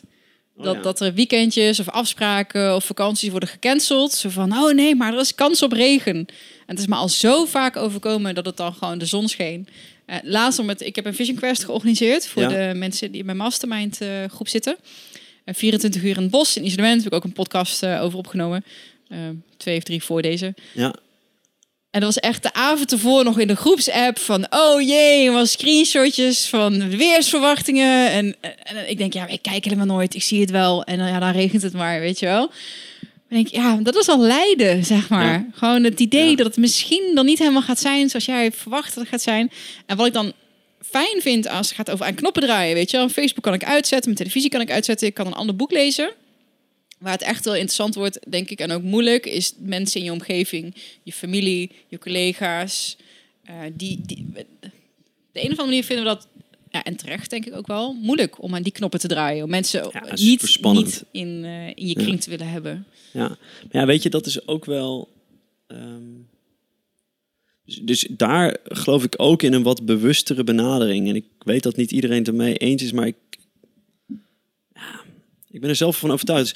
Dus ik- het had ook gekund dat ik nu niet een- helemaal naar de meditering, mijn nieuwe, mijn, mijn nieuwe boek aan het schrijven was, maar juist een boek over relaties. Want ik had twee boekideeën en ik heb uiteindelijk met de uitgever gekeken van welke ga ik dan nu eerst schrijven. En die andere was hierover gaan. Dus hoe ga ik nou met mijn, omdat ik daar deze doelgroep ook zo mee zie worstelen. Ik zie echt veel mensen in de coaching en training die zeggen van ja, ik ben eigenlijk de enige in mijn omgeving die hiermee bezig is. En ik vind gewoon niet zoveel weerklank bij de mensen om me vaak. heen. En, eh, en, en daarom was zo'n communityavond wat jij doet, oh, dat is zo belangrijk. Omdat er zijn voldoende mensen die hiermee bezig zijn, maar niet iedereen. En, en, en als jij zelf geen vraag hebt over wat wil ik met mijn leven, et cetera, maar je zit volledig vast in de red race en het rondom, dan is het heel spannend als iemand daar wel mee bezig is, over, over begint. En dan hou je dat liever ver af. Dus, dus het, je krijgt ook vaak, als je lekker op je eigen pad bezig bent en onderzoeken bent en je wilt met je vrienden over hebben, dan krijg je nul op het request. Want de rest ja, weet niet zo goed wat, hoe ze daar dan mee om moeten gaan. En ik geloof wel in, in ook actief en bewust vormgeven aan je eigen sociale omgeving. En, en eh, ja, dat, dat, daar. Mij heeft het heel erg geholpen om op een gegeven moment na te denken over wie zijn nou mijn beste vrienden. En dat ik eigenlijk moest constateren, ja, die- heb ik niet echt. Want ik ben gewoon, ik was de typische student. Ik had honderdduizenden vrienden en kennis. En allemaal kwantiteit, maar niet echt kwaliteit. En ehm, had ik een traineeship gevolgd en allemaal leuke nieuwe mensen ontmoet. En, ik werd steeds meer aan het denken gezet. Wie zijn, ja, wie zijn dan echt belangrijk voor me? En op een gegeven moment heb ik ook gewoon besloten. Ik heb, dus een van mijn leefregels werd... eh, mijn vriendschappen vanaf nu gaan vanaf nu over kwaliteit en niet meer over kwantiteit. Ja, toen, toen bleef ik wel met die nagging question zitten van... Wat zijn dan mijn A-spelers? Wie zijn nou die belangrijkste mensen om me heen? En ik weet nog dat ik op een gegeven moment ehm, eh, op de fiets zat naar... Ik, ik was al een beetje langzaam aan het sturen op... Ja, laat ik nou eens iets meer mensen uitkiezen van wie ik echt energie krijg. En dat was een oud collega eh, van ehm, een meisje van, van mijn werk, van, van mijn oude werk. En, en altijd als ik met haar zat, dan echt, weet je, de energie schoot alle kanten op. We zaten op dezelfde golflengte. Het was lachen en het ging snel. En was ambitie. En, en dat ik gewoon constateerde, ja, eigenlijk, weet je, passen wij als vrienden echt super goed bij elkaar. Dus, ehm, en we hadden afgesproken, we zouden een hapje gaan eten. En ik, was nou, toen, ik zat toen te denken, ja, in potentie, weet je, als, als, als het een blanco sleeve zou zijn nu, dan, dan zou zij daar volgens mij inpassen. Maar ja, dat is natuurlijk fucking weird. Wat ga, hoe ga je daarop sturen? Wat ga ik dan, wat ga ik dan doen? Dus Wil ik jij mijn vriendin het niet romantisch vriendinnetje hebben? Ik zie dan zo die kindjes voor me. Want kinderen doen het gewoon zo, hè? Die Ja, zeggen je- gewoon, hé, met- jij bent cool. Ja. Met jou kan ik eh, Ja, met de bal spelen, wil jij mijn vriendje zijn? Wacht af hoe het verder gaat. Want, Oh, dus ik zat erover na te denken. En, en ik kom haar aan en we zitten lekker een hapje te eten. En op een gegeven moment daarna zijn, zijn we een beetje aan het mijmeren over het leven en dingen. En op een gegeven moment hoor ik mezelf gaan vertellen over waar ik het op de fiets over. Ik zeg ja, en ik ben dus bezig met wie dan mijn beste vrienden zijn en zo. En nou, ik zat dus op de fiets en toen dacht ik ja, misschien moet, misschien moet Fleur, ze Fleur, misschien moet Fleur gewoon dan eentje zijn. Maar ja, daar kan ik ook moeilijk over beginnen. Maar toen zat ik in een super ongemakkelijke positie. Want toen zat ik een soort van indirect eh, te vragen. En, en ik, weet je, ik kwam maar steeds dieper en dieper in dat verhaal. En ik voelde op een gegeven moment dat ik ook zo'n zo'n eh, zo'n self-consciousness. Wat de fuck ben ik aan het doen? En, en op het moment dat ik eigenlijk niet meer wist, zei ze... Ja, ik wil! en ik zo, wat? zei, ja, Mark, ik zit hier ook mee. En ik worstel hier ook mee. En ik voel ook de energie als wij het over dingen hebben. En ik vind het te gek. En vanaf nu ben je mijn aanvriend. Nou, we hebben daar... Het was, het was een beetje ongemakkelijk, maar ook super tof. En... en ja, heel, heel bewust ontstaande vriendschap eigenlijk. En, en, en toen. En we zijn, nadat we het hadden afgesproken, zijn we gewoon elkaar wat vaker gaan bellen. En, en nu is een van mijn beste vriendinnen. En, en ze woont niet eens in Nederland. eh, ehm, maar, maar we skypen superveel. Of niet superveel, maar als we Skype bellen, dan gaat het echt ergens over. En hebben we heel Dat is veel raar, elkaar. want het klinkt heel geforceerd. Aan de andere kant denk ik, ja, maar dat klinkt geforceerd omdat ergens bij- in mensen een beperkende overtuiging zit van ja, Dat- nee, maar je vrienden die, eh, weet je wel. Zo, zo gaat dat Zo niet met gaat dat, vrienden. nee. nee. Dat, eh, Maar zo kan het wel met vrienden. Ja. Dus zo, zo gaat het vaak niet. Maar dat wil niet zeggen dat, dat hoe het altijd gaat, dat het de beste manier is. Ja. Want net als dat je in een baan kunt rollen, kun je in, in een vriendengroep of in een sociale omgeving of in een vriendschap rollen. Terwijl je eigenlijk nooit echt zelf ik denk dat gedacht. 99,9% van de tijd voor de meeste mensen rollen gewoon in vriendschappen. Ja, En ik heb eh, een hele tijd terug wilde ik een eh, oud eh, professor van mij uitnodigen in de podcast. En die is uiteindelijk afgehaakt. Hij zei, ja, life crafting, je eigen leven creëren, Jeanette, doe normaal. Dat is jullie generatie, weet je wel. De dingen gaan gewoon zoals ze gaan. En ik heb er ook niet voor gekozen. En het is gewoon wat het is, weet je wel. En ik denk, ja, ik geloof ook dat het is wat het is. Maar ja, ja, dat was, dat was terwijl ik denk van, dat is juist een super interessante discussie om. Ja, laten we het dan iets hebben. ouder, weet je wel. Van laat alsjeblieft vanuit jouw perspectief dan vertel het me maar dan. Ja. Ik, want ik wil heel graag zien waar ik het misschien mis heb of Ja. hoe jij het. Want misschien denk ik zelf ook over twintig jaar wel van, ach jongens toch, hou eens even Ja. op met het hele met je vision board en je en je maakbaarheid. Eh, dus dat vond ik echt heel jammer dat dat niet doorging. Maar denk ik, ja, maar ik, ik was het er ook niet mee eens. nee. Ja, Ah, maar dan, dan oké, dan ga je het bijna over vrij wil hebben. Zo van ja, het Ja, maar is dat, wat het daar is. kom je automatisch terecht. maar ik denk wel dat je, dat, het, dat je het kan sturen, wat je ook zei. Hè? Het is niet maakbaar, wel stuurbaar. Ja. Door, door daar heel bewust al bepaalde boeken, bepaalde input, bepaalde mensen in te stoppen, waardoor het langzaam en zeker een andere kant op gaat. Ja. Dat denk ik wel echt. Nou, en, en ik, heb nog, ik heb ooit gekeken of ik hem terug kon vinden, maar ik dacht dat er een quote was van, ehm, hoe heet die vent ook weer? Die, ehm, ah, damn. Eh, van, ehm, de- de- die heeft het boek geschreven, de man die, zijn, die een hoed aanzag voor zijn vrouw vrouw. voor een hoed aan. Ja, Sacks of zo, heet hij nou? Oliver Sacks. Oliver Sacks. Een eh, neuropsycholoog. Neuropsycholoog, ja. En ehm, ik dacht in zijn boek te hebben gelezen of ergens tegen te zijn, maar ik kan die quote nergens terugvinden dat ehm, hij zegt over vrije wil. eh, at, a min- at a minimum, it's important that we believe in free will. Zoiets. Ja, maar dat is uiteindelijk waar het... Het is een illusie. En je, het is dat we die hebben, maar het is Ja. een hele fijne illusie. Maar ja, maar, maar als ik eh, Paul Smit bijvoorbeeld, ik heb hem in de podcast bij Eindbazen geluisterd, dan hoor ik hem ook vertellen dat, ehm, eh, dat, dat in onderzoeken, als ze mensen eerst vertellen over het gebrek aan vrije wil, bla bla bla, en dan een sociale test laten doen, dat ze veel ehm, eh, meer zelf ingenomen zijn, minder altruïstisch, dat, dat ze karaktertrekken vertonen, waarvan ik denk, ja, maar dat, zijn wel belangrijke karaktertrekken. Dus ehm, zodra we geloven dat het allemaal niet uitmaakt, want ik heb Oh, toch geen, kan het toch niet opsturen, maar dan gedragen we ons anders. Dus Ja. ik, ik merk dat ik gewoon nog moeite heb met dat stukje van, van dat Zoals ik het- concept. als ik het. Nou, ik kan natuurlijk niet zijn ehm, visie daarop goed verwoorden, maar volgens mij zijn het fases. Mhm. Een soort van ontwakende fases ook. Dat je in eerste instantie een soort van nihilisme schiet. Waar maakt het allemaal niet uit, weet je wel.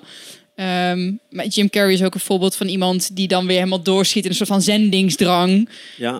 Eh, want nu zie je best wel wat eh, YouTube-clipjes van hem voorbij komen. Dat hij, eh, dit is niet echt, weet je wel. Op een van de rode loper, zo'n reporter helemaal eh flabbergasted. Zo, en dat hij zo rondspringt. This is not real, weet je, you don't exist. Echt? Oh, wat Ja. geniaal. Ja, Oh. Ehm, maar het, zijn fases die, Ja. die, die, lo- die logisch zijn als je over nadenkt. Van, eh, eerst denk je van, oh, eh, een soort van paniek, eh, wat dan? Of zo'n laconiekheid of Ja. nihilisme. En dat, dat het er ook wel een beetje bij hoort. En ook doorschieten Oh, ja. naar, het, naar het te enthousiaste. Ja. En dan uiteindelijk kom je in een ja, wat rustiger staat. Ik weet het niet eens precies. En hij heeft zo'n heel dun boekje geschreven, Verlichting voor luie Ja. mensen. En, en Hij ligt daar ja, op me te wachten. volgens mij in, op het eind beschrijft hij die fases ook. Oké, cool. Oh, dan Volgens mij hoort dat wil er wel. nog meer die hoort dat. Ja. die moet jij nog lezen. Ja, ja, ja, ja. Die, die ligt hier op een... eh, Ik heb een andere boek van hem ook, Verlichtende Liefde. Ja, vond ik ook leuk, want ik heb met hem, denk ik, ja, ik wilde het met hem over de liefde hebben en verliefdheid. En ik, ja, je kan het zien als een soort van ho- hormonale aandoening. Ja. ja. maar ja, is er dan niet meer dan dat? Maar eh, nou goed, tof. Terug naar, want dat ja, vind ik super boeiend. En ik heb het in de podcast al best wel vaak over psychedelische middelen gehad en ook shamanen geïnterviewd. Ja. Wat, eh, wat triggerde jou om, om dat te gaan doen? Ja, ik denk mijn, mijn controledrang. Dus ik ben en blijf een, eh, ehm, eh, een primair rationeel persoon. Eh, en ik denk dat ik dat doe om, om te controleren. Eh, denken, denken, uitleggen, verklaren. Ehm, en lezen, lezen, lezen. En dan snap ik de wereld beter. En dan, eh, weet snap, je wel, dit, ja. ja. dit slaat natuurlijk ook helemaal nergens op. Eh, dus dit, is- dit is ook maar een onderdeel van mijn script. Ehm, eh, en ja, ayahuasca is dan wel dat wat dan het verst van me afstaat. Omdat ik gewoon wist, ja, dat gaat om volle overgave. En nou ja, ga er maar aan staan. Ehm, dus, en ik heb gewoon veel mensen in mijn omgeving die... eh, ik weet nog dat ik er vier, vijf jaar geleden eh, voor het eerst over hoorde. En dat ik echt dacht, koek, koek. Die mensen zijn echt helemaal wap en doen normaal. En, eh, Zijn ze ook. Nee. ja, ja, ja, ja. Heb je het gedaan, ayahu- ayahuasca? Ja, ik ben in februari zelfs een maand naar Peru gegaan. Om ook Ah, daar twee weken Ja, in de jungle. Nou ja, dan weet je beter nog dan ik ja, wat je tegen kunt komen. En, maar voor mij was, het, wa- was dat de... Ik dacht gewoon, ja, hier zou wel eens mijn, mijn volgende groei kunnen zitten. En ehm, ehm, ja, ik wilde, ik wilde dat... Het was tijd of zo. Dus eh, ja, ik had mensen om me heen die daar heel enthousiast over waren. En ik dacht, eh, nou, nu... Nou, Zoals ik het zie, als het je roept, dan roept het je. En ik weet nog echt heel goed het allereerste moment dat ik erover hoorde. Dat was in dezelfde, in de Eindbazen podcast. Een van de, allereerste, een van de eerste tien afleveringen of zo ging het erover. Een paar jaar geleden. mm, Alles in mijn lijf ging af. Alles. Alle toeters, bellen. Ik stond helemaal aan. Oh, wat is dit? En terwijl drugs voor mij... Nou, ik heb best wel een heftig verleden, zeg maar. Ik heb wel lekker geëxperimenteerd. Om het dan over experimenten te hebben. Ik heb er wel een paar gedaan. ja, Dus ik dacht, oh, dat moet ik niet doen, weet je wel. Want dat wordt dan weer de nieuwe, het nieuwe gevaar voor mij. eh, Ja. Weet je wel. Oeh. ja, Ehm, ja, als het je roept, dan roept het je. En Ja. ehm, ik zeg altijd tegen mensen, doe het niet. Want, weet je, en als je het dan toch doet, dan moet je het blijkbaar doen. ja, mooi. Maar ik ga nooit mooi. iemand overtuigen van, ja, dit is, ehm, dit is Nee. iets wat je moet doen. En ja, nee, ik heb liever dat ze het niet doen. En dan toch uit eigen beweging ervoor kiezen. Ja. Ehm, Ja, Ja, dus ik- eh, volgens mij, maar dat met alle dingen. Wat gewoon helpt, is om, om hè, als mensen ervoor open staan, vertellen wat het voor jou betekend heeft. Eh, Ja. En dan kunnen ze zelf voelen, is dat, past dat in mijn straatje, ja of nee? Ja, en ik vind dan nog de hele. Ik had heel veel moeite met zei van ja, die koekoekmensen, met mensen die, die zich te veel identificeren met, met de subcultuur die er omheen hangt en het zweverig gedoe en de, de, de te veel doorgeslagen geslagen spiritualiteit. Ik ben nog steeds de nuchtere wetenschapper. Ja, Gewoon, oké, eerst even observeren en kijken. Ja. En dat is ook leuk in een ceremonie, want dan, weet je, dan blijf je ook observeren. En dan, dat is ook weer een les die je dan moet leren Ja. om los te laten en je Ja. onder te dompelen. Dus ik, moet, ik had zoiets van, ja, ik vind het wel heel interessant, maar tegelijkertijd denk ik, oh, blijf bij mij weg, want ik vind jullie veel te, ja, ja, nou ja, te alternatief of zo. Ja. Terwijl ik zelf natuurlijk ook, mij zou je ook kunnen bestempelen als, eh, als alternatief uiteraard. ja, Maar het heeft me wel heel veel gebracht. Want het heeft, zoals die shamanen ook zeggen, ons Westelingen wel de, de nood gekraakt. De, de kern. Je kan ook twintig jaar mediteren bijvoorbeeld. En, en tot je kern komen. Of je kan het met een, uh, Wichert noemt dat dan, met een moker gewoon erop inslaan. En alles in Ja. één keer eh, aan gruzelementen. ja. En dat is wat ayahuasca kan doen. ja en, en ik weet niet, dus ik weet niet helemaal of ik, of ik het daarmee eens ben, ook met, met hoe Wichert het zegt en hoe de shamanen ervoor staan. Dus ik heb zelf ook veel gemediteerd. Ik, ben, ik heb meerdere Vipassana-retreats meegemaakt. En, en er zit ook wel een Calvinistisch iets in mij. Van, hè, je moet er ook een beetje voor werken. Ja. Eh, nou, dan vind ik, eh, ik ben sowieso geen aanhanger van dat, van dat Calvinistische Maar gedachtegoed. dat is wel interessant. Want wat, wat bijvoorbeeld Paul zegt, en andere eh, leraren ook. Je hoeft niet hard te werken om vlicht te raken bijvoorbeeld. Maar daar zijn de meningen ook over verdeeld. Ja. Hè, dus Ja. er, zijn, er zijn genoeg scholen die, die zeggen dat je juist... Hè, eh, ja. dat je je echt je uren moet maken op het meditatiekussen om, eh, om er te komen. Dus je, kan, je kan nergens komen. Want je bent Nee. al. Ja, dat vind Nee, ik, ik vind dat ja. zo... ik, ik denk dus dat altijd. al- eh, de- de- de- wat ik heel mooi vond, is ehm, eh, hoe Sam Harris het op een gegeven moment beschrijft over hoe. hoe wat hem volgens mij, als ik, als ik zijn boek goed lees, het meest aanstaat, is het Dzogchen-gedachte, nou, waar je ook dingen mee gedaan hebt. Ehm, en dat hij zegt dat. Dus echt een goede Dzogchen-leraar, die kan je eigenlijk vrij snel door je de juiste vragen te stellen of, of instructies. Hij zegt, met de juiste instructies kun je vrij snel het, het doorzien en het, en het begrijpen. Ehm, maar het is niet dat het dan ineens in je landt. Hij zegt dus, dan moet je vervolgens heel veel oefenen met nog dat- heel vaak dat inzicht Ja. weer opnieuw krijgen, et cetera. Dus ik vind, de, dus, weet je, Eckhart Tolle en al die mensen roepen ook, het is er nu al. En Alan Watts, en je hoeft er niks voor te doen. En, ehm, Nou, wat je zegt, is, dan slaat je wel, sla je denk ik wel de spijker op zijn kop. ik vind het dat is een- niet in één keer, ah, je bent voor de rest van je leven, ben je er. Nee. Nee. want ik heb die ayahuasca heb ik ook gehad. En, en voor het eerst, dus ik had daar een hoop en een vrees. En de hoop was, of de, vrees was dat ik een dikke vette bad trip zou krijgen. Nou, dat is absoluut gebeurd. En ik, ik heb, het is de kutste ervaring uit mijn leven geweest. Dus wat dat betreft... Ja, ik Zou je het ook echt als een bad trip beschrijven aan, Nou, aan, aan het- mensen? Ja, dus zo voelde dat voor mij wel in het begin. Ik lag gewoon redelijk kapot te gaan. Eh, ik vond het echt, echt niet leuk. En, eh, Wil je er wat over vertellen? ja, ja, ik zal zo er wat, wat Ja. over zeggen. En, ehm, eh, maar mijn hoop was ook wel om een soort van, van een, eh, ja, eenheidsbewustzijnservaring te krijgen. Om, om dat waar al over geschreven wordt. En, ja. en eh, om, om dat eens te ervaren. En ehm, nou, ik zal niet zeggen dat dat helemaal zo was, maar ik heb wel dingen daar. Ik heb gewoon voor het eerst mijn rationele mind met een afstandje kunnen zien. En kunnen zien ook hoe ik daar last van heb. En hoe ik er soms zelfs een beetje kotsmisselijk word van. Van voortdurend maar die verhalen en alles willen begrijpen en verklaren. Nou, ehm, eh, ja, dus dat, dat, heeft me aan die kant echt wel wat gebracht. Ehm, ik weet helemaal niet meer helemaal waarom ik dat ging vertellen. Eh, laat ik naar de, de, misschien komen we zo op terug, naar de, de vervelende ervaring gaan. Ehm, ehm, nou, dat, dat, ik had toevallig daarvoor had ik Sam Harris zitten lezen Waking Up. En, en dat hij, hij heeft veel met, eh, met LSD geëxperimenteerd. En hij beschreef daarvan dat, het, dat hij echt, ja, dat voor hem cruciaal is geweest op zijn pad. Dat hij, eh, eh, als je het hebt over psych- psychedelica, psychedelica ehm, eh, dat ehm, hem ook wel, dat hij dan schetst, dat vind ik mooi in zijn boek, van ja, als, ehm, eh, als mijn dochters eh, thuis ergens in hun leven een, een, een voorkeur voor he- heroïne zouden ontwikkelen, dan zou, het, dan zou ik het echt verschrikkelijk vinden als vader. Zou ik echt aan, aan dood kunnen gaan. Maar als ze aan het eind van hun leven nooit iets geproefd hebben van die middelen, dan zouden ze wel eens het een van de belangrijkste. En dan zou ik het ook verschrikkelijk vinden als een van de belangrijkste inzichten die ze in hun mensenleven op kunnen doen, misschien gemist hebben. Dus dat vond ik een heel mooi gebalanceerde manier. Heel veel mensen die ik volg en lees, die hebben allemaal wel een, een ergens op een punt in hun leven. Vaak is dat een LSD, want dat is natuurlijk veel meer voorhanden, denk ik. Ja. Nu is ayahuasca wat populairder. Ja, Eh, maar dat mind-opening, zeg maar. Dat, Ja. dat, ehm, ja. ja. Nou, en, en dus hij had dat soort ervaring gehad. Hij zei, en ik heb net zozeer echt, eh, ja, echt eh, ervaring gehad die gewoon één ellendig lange bad trip zijn. En zegt, tijd, time is distorted uh, als je daarin zit. Dus het, het, voelt, het voelt oneindig kut en oneindig lang. Ja, en dat, dat is gewoon, uh, ja, a, thousand, a thousand hells on earth of zo, zoiets noemt hij dan.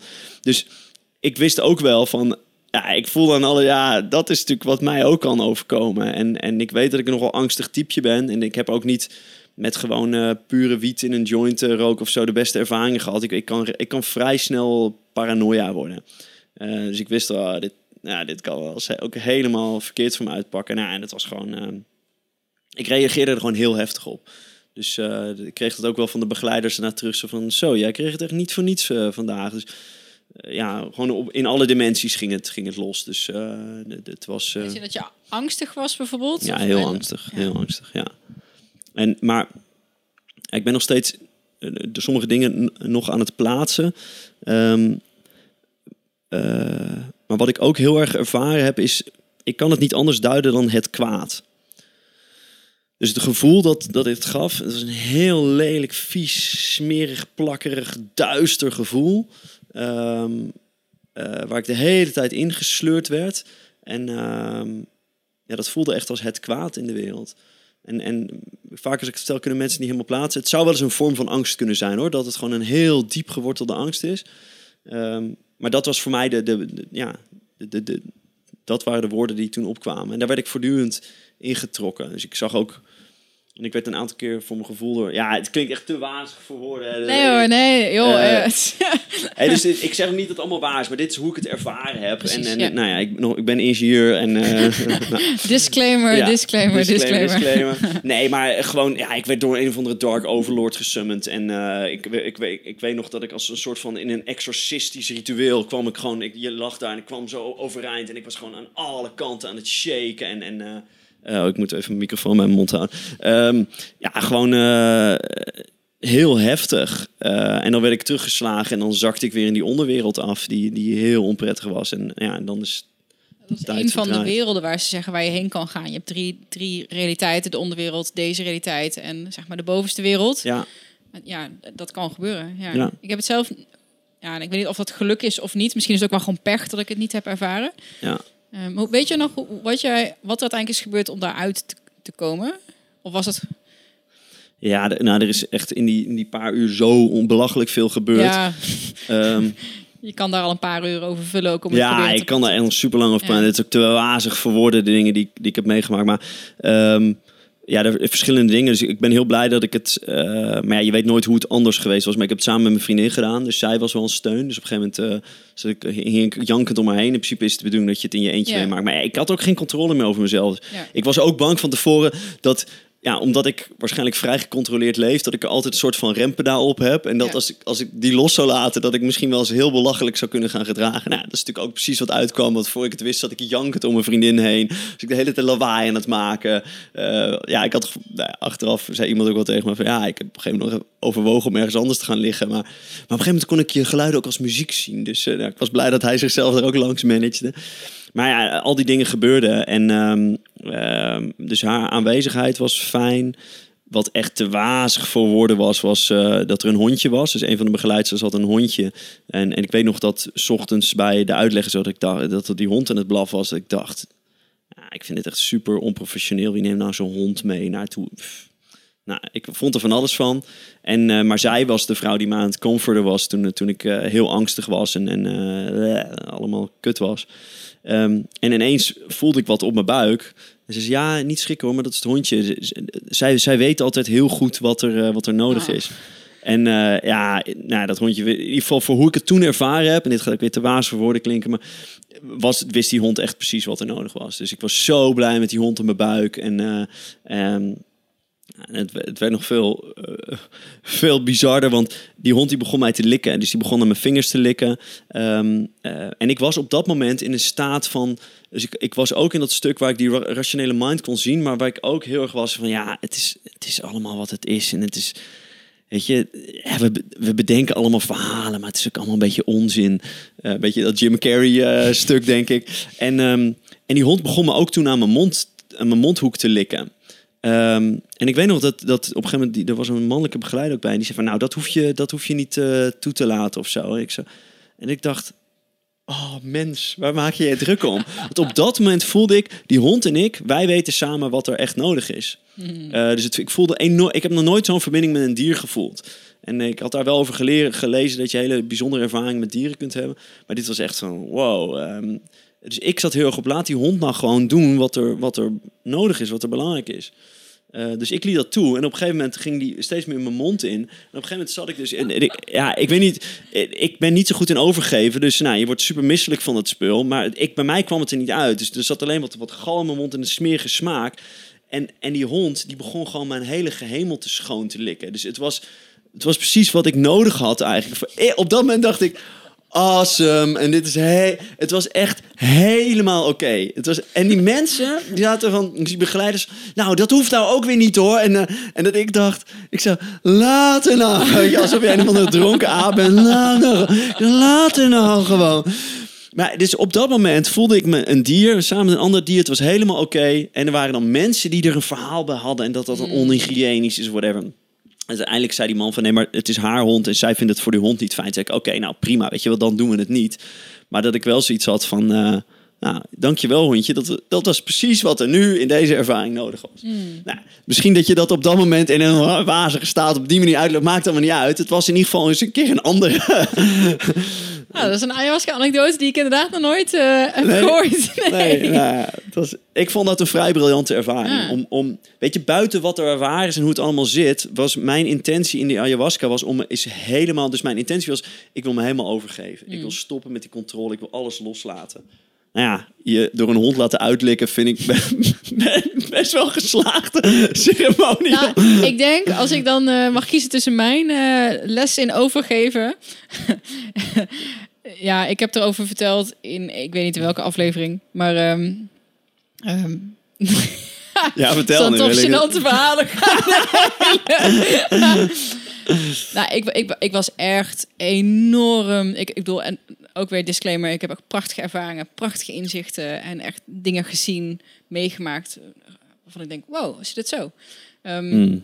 Maar ik ben ook echt de weg kwijtgeraakt. Dat ik op de, op de wc zat en helemaal echt tussen realiteit in zat. Taal klopte niet meer. Ik, ik was echt ik was lost. Ik was echt weg. Ja. En dat ik ook eh, de shamaan probeerde mij terug te halen. Ze hebben dat van dat eh rozenwater, geloof ik, eh, wat, ze op je, wat hij op mijn tong probeerde te spuiten. Ik was buiten de groep. En toen ze me uiteindelijk optilden, zo van, hè, we gaan afsluiten. Het is belangrijk dat die cirkel weer compleet is, dat alle deelnemers weer in de ruimte zijn. Dan heb ik gewoon alles laten lopen. Ja. Ja. Ja, dat was natuurlijk niet, dat wil je niet. Je, dat Nee. wil je, dat is het laatste wat je wilt. Dat is echt het allerlaatste wat je wil. En hoe daarop gereageerd was, door die, die begeleiding die daarbij was. En iemand heeft me uiteindelijk ook onder de douche gezet, weet je wel. En Ja. is mijn toilettas uit de kamer gaan halen. Ja, ik had gewoon, ik had, ik had gewoon diarree. Ik, had, ik heb het gewoon laten lopen. Ja. Ja. Ja, je bent toen hartstikke ziek en misselijk. En Ja. ehm, dat was ook echt overgave en beseffen van... hé, hey, ik, ik, hoef, ik ben niet alleen en ik hoef het niet alleen te doen. En er zijn mensen op wie ik kan vallen. Ik heb jou nog nooit ontmoet, maar jezus, wat ben jij lief. Weet je wel, gewoon Ja. echt zo'n moeder, zo'n hele lieve vrouw... die zich helemaal over mij ontfermde. Een glasje Ja. water, dekentje erover. Denk ik, oh, wat zijn mensen toch goed, weet je Mooi, wel. hè? Super Nou- mooi. En, maar dan moet je door zo'n enorme bak schaamte gaan... Ja. Ehm, en ook om het, ja, ik heb het dan een paar keer verteld, maar het blijft niet zo van, ik denk... nee. En, en toch, als je dan met... eh, en ik was ehm, vorige week bij een filosofisch psychotherapeut, een hele die ceremonies organiseert ook. Een hele super intellectuele theoloog, filosoof. Eh, nou, als het over rationaliteit gaat, dan eh, eat your heart out. dat is briljant. En ehm, eh, die zei ook van, ja, dat gebeurt. Wij dragen gewoon eh, eh, luiers. Want Nee, joh. ja, Oh, omdat het gewoon heel veel... Je hebt, je hebt geen controle meer over je Nee. lichaamsfunctie. Kan, hè? Kan. Ja, kan. Ja. En, ehm, en dat zijn gewoon lessen die je moet leren. En ik, Ja. eh, ik volg Aubrey Marcus, zijn eh, podcast ook. Dat is de Mhm. CEO van Onnit, dat supplementenmerk. Oh ja. En eh, hij vertelt ook over zijn schoonvader die in één ceremonie op zeven verschillende plekken eh, dat, dat hij naar de wc moet, maar hij kon niet lopen. Dus dat hij al kruipend de boel heeft laten lopen. En op de wc en weer terug in de ceremonie en in zijn bed gepoept. En op zijn stoel. En echt... dus dan denk ik, het kan nog vele malen erger. Ja. Sommige mensen moeten nog duidelijk meer leren loslaten dan ik. Ja. Eh, Ja, en, Het en weet je een net, beetje als je bij, het weet je, het vertelt, er hè, dus wat bij. het bij mij alleen maar oproept is van, is van good for you. En, en Mm. Eh, dus, dus het, ik, ja, maar ik herken zo dat, dat als jij het verhaal vertelt, dat jij in de schaamte zit. en nu gelukkig niet meer. Maar het is wel even, je moet het even een beetje kaderen. Ja, nee, tuurlijk. Maar, maar de- tuurlijk zal dat altijd ongemak houden. En ik zit ook met allemaal disclaimers het ho- honduitlik verhaal te vertellen. Maar, maar ehm, dus de, de andere kant is voor mij dat ik denk, ja, maar dat is, dus je geeft je dan wel volledig over. En, Ja. en je hebt ook, een boek staat hier ook, ehm, Zen and the Art of Motorcycle Maintenance. Oh, ja, ja, ja. Zoek af. Ja, Ja. eh, ja, of heet hij zo? Ik weet Ja, even niet volgens meer. mij wel. Nee, hoe heet die vent die nou? Eh, Robert en Piersick. Oh, Ehm, huh? dat is raar. Dat ik daar zo'n andere, vol overtuiging, een andere Ja, naam ja. op... ja, nou. Maar hij, dus hij beschrijft ook, ook zijn zoektocht in zichzelf.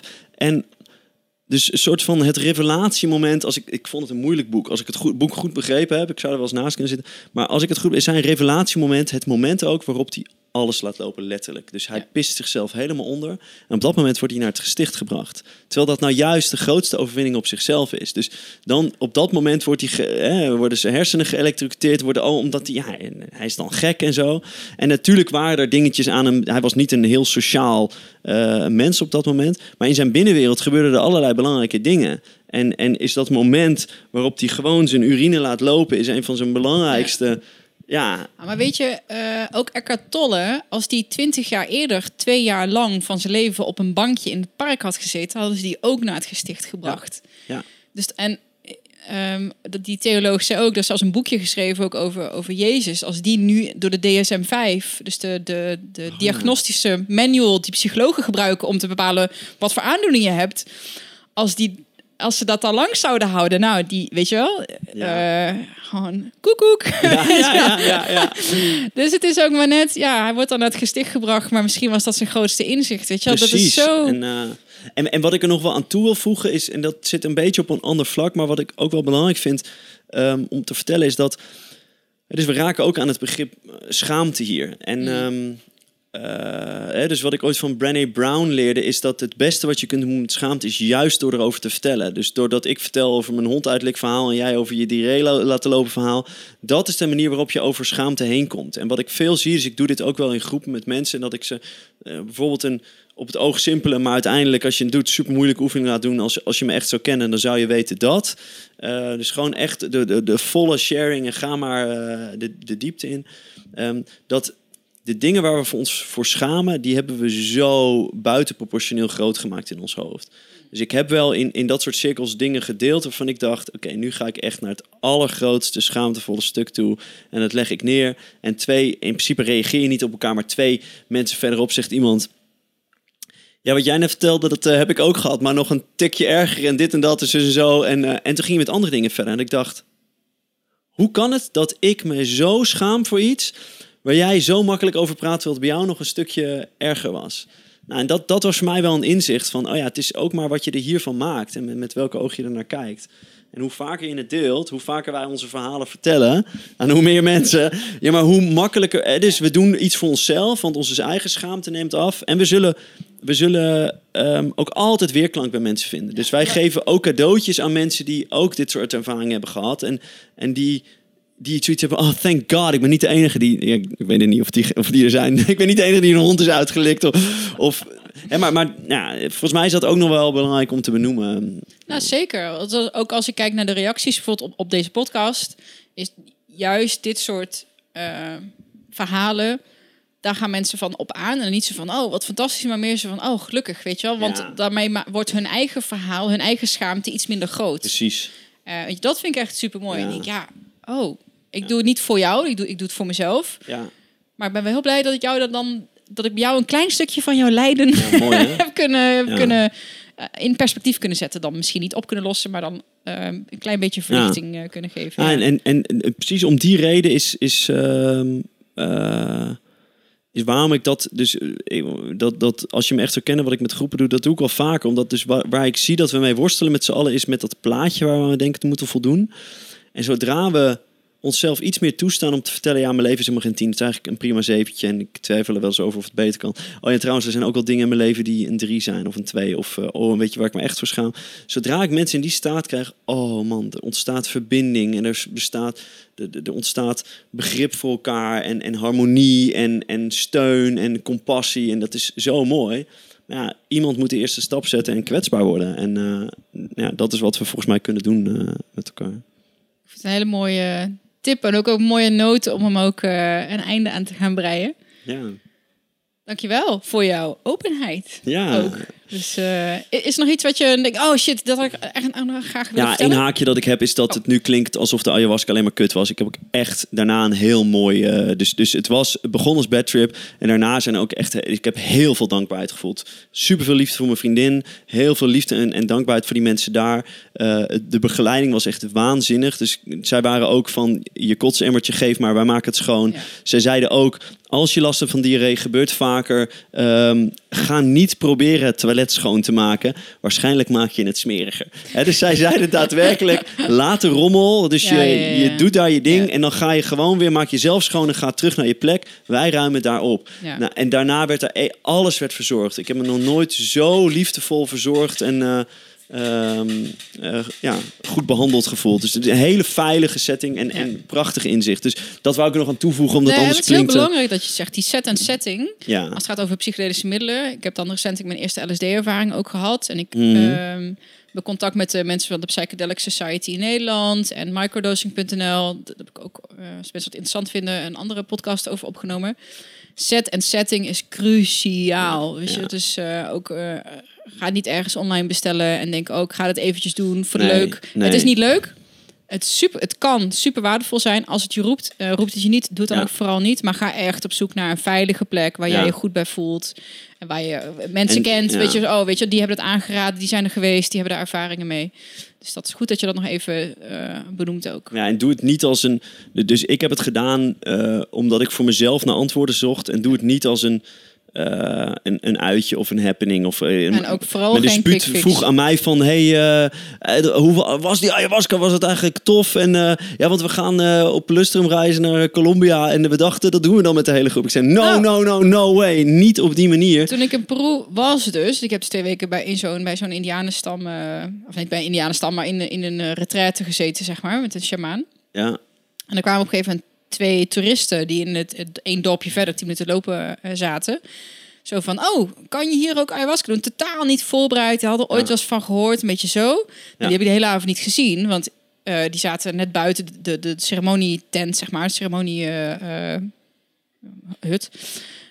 Ja, de ene meisje zat de hele tijd zo, weet je, met haar hoofd in de handen. Ja. Die ging helemaal, ja, die, die vond het helemaal kut. ja. Terwijl ik een fantastische ervaring. Maar weet je, je- ik wist al maanden dat ik naar Peru zou gaan. Je bent ermee bezig, je bereidt je voeding voor, je, je reflecteert. Je hebt, kijk, en intenties zijn leuk, maar die moet je ook echt helemaal loslaten. Je moet er helemaal open ingaan.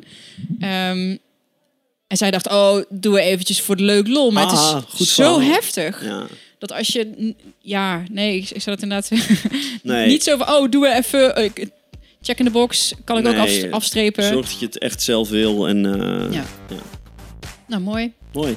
Jij bedankt voor een eh, prachtig podium om het over een heleboel leuke dingen te hebben. Graag gedaan. Ja, dus wat ik het Ja. liefste doe. Dus eh, Te gek. Tof. Heel leuk.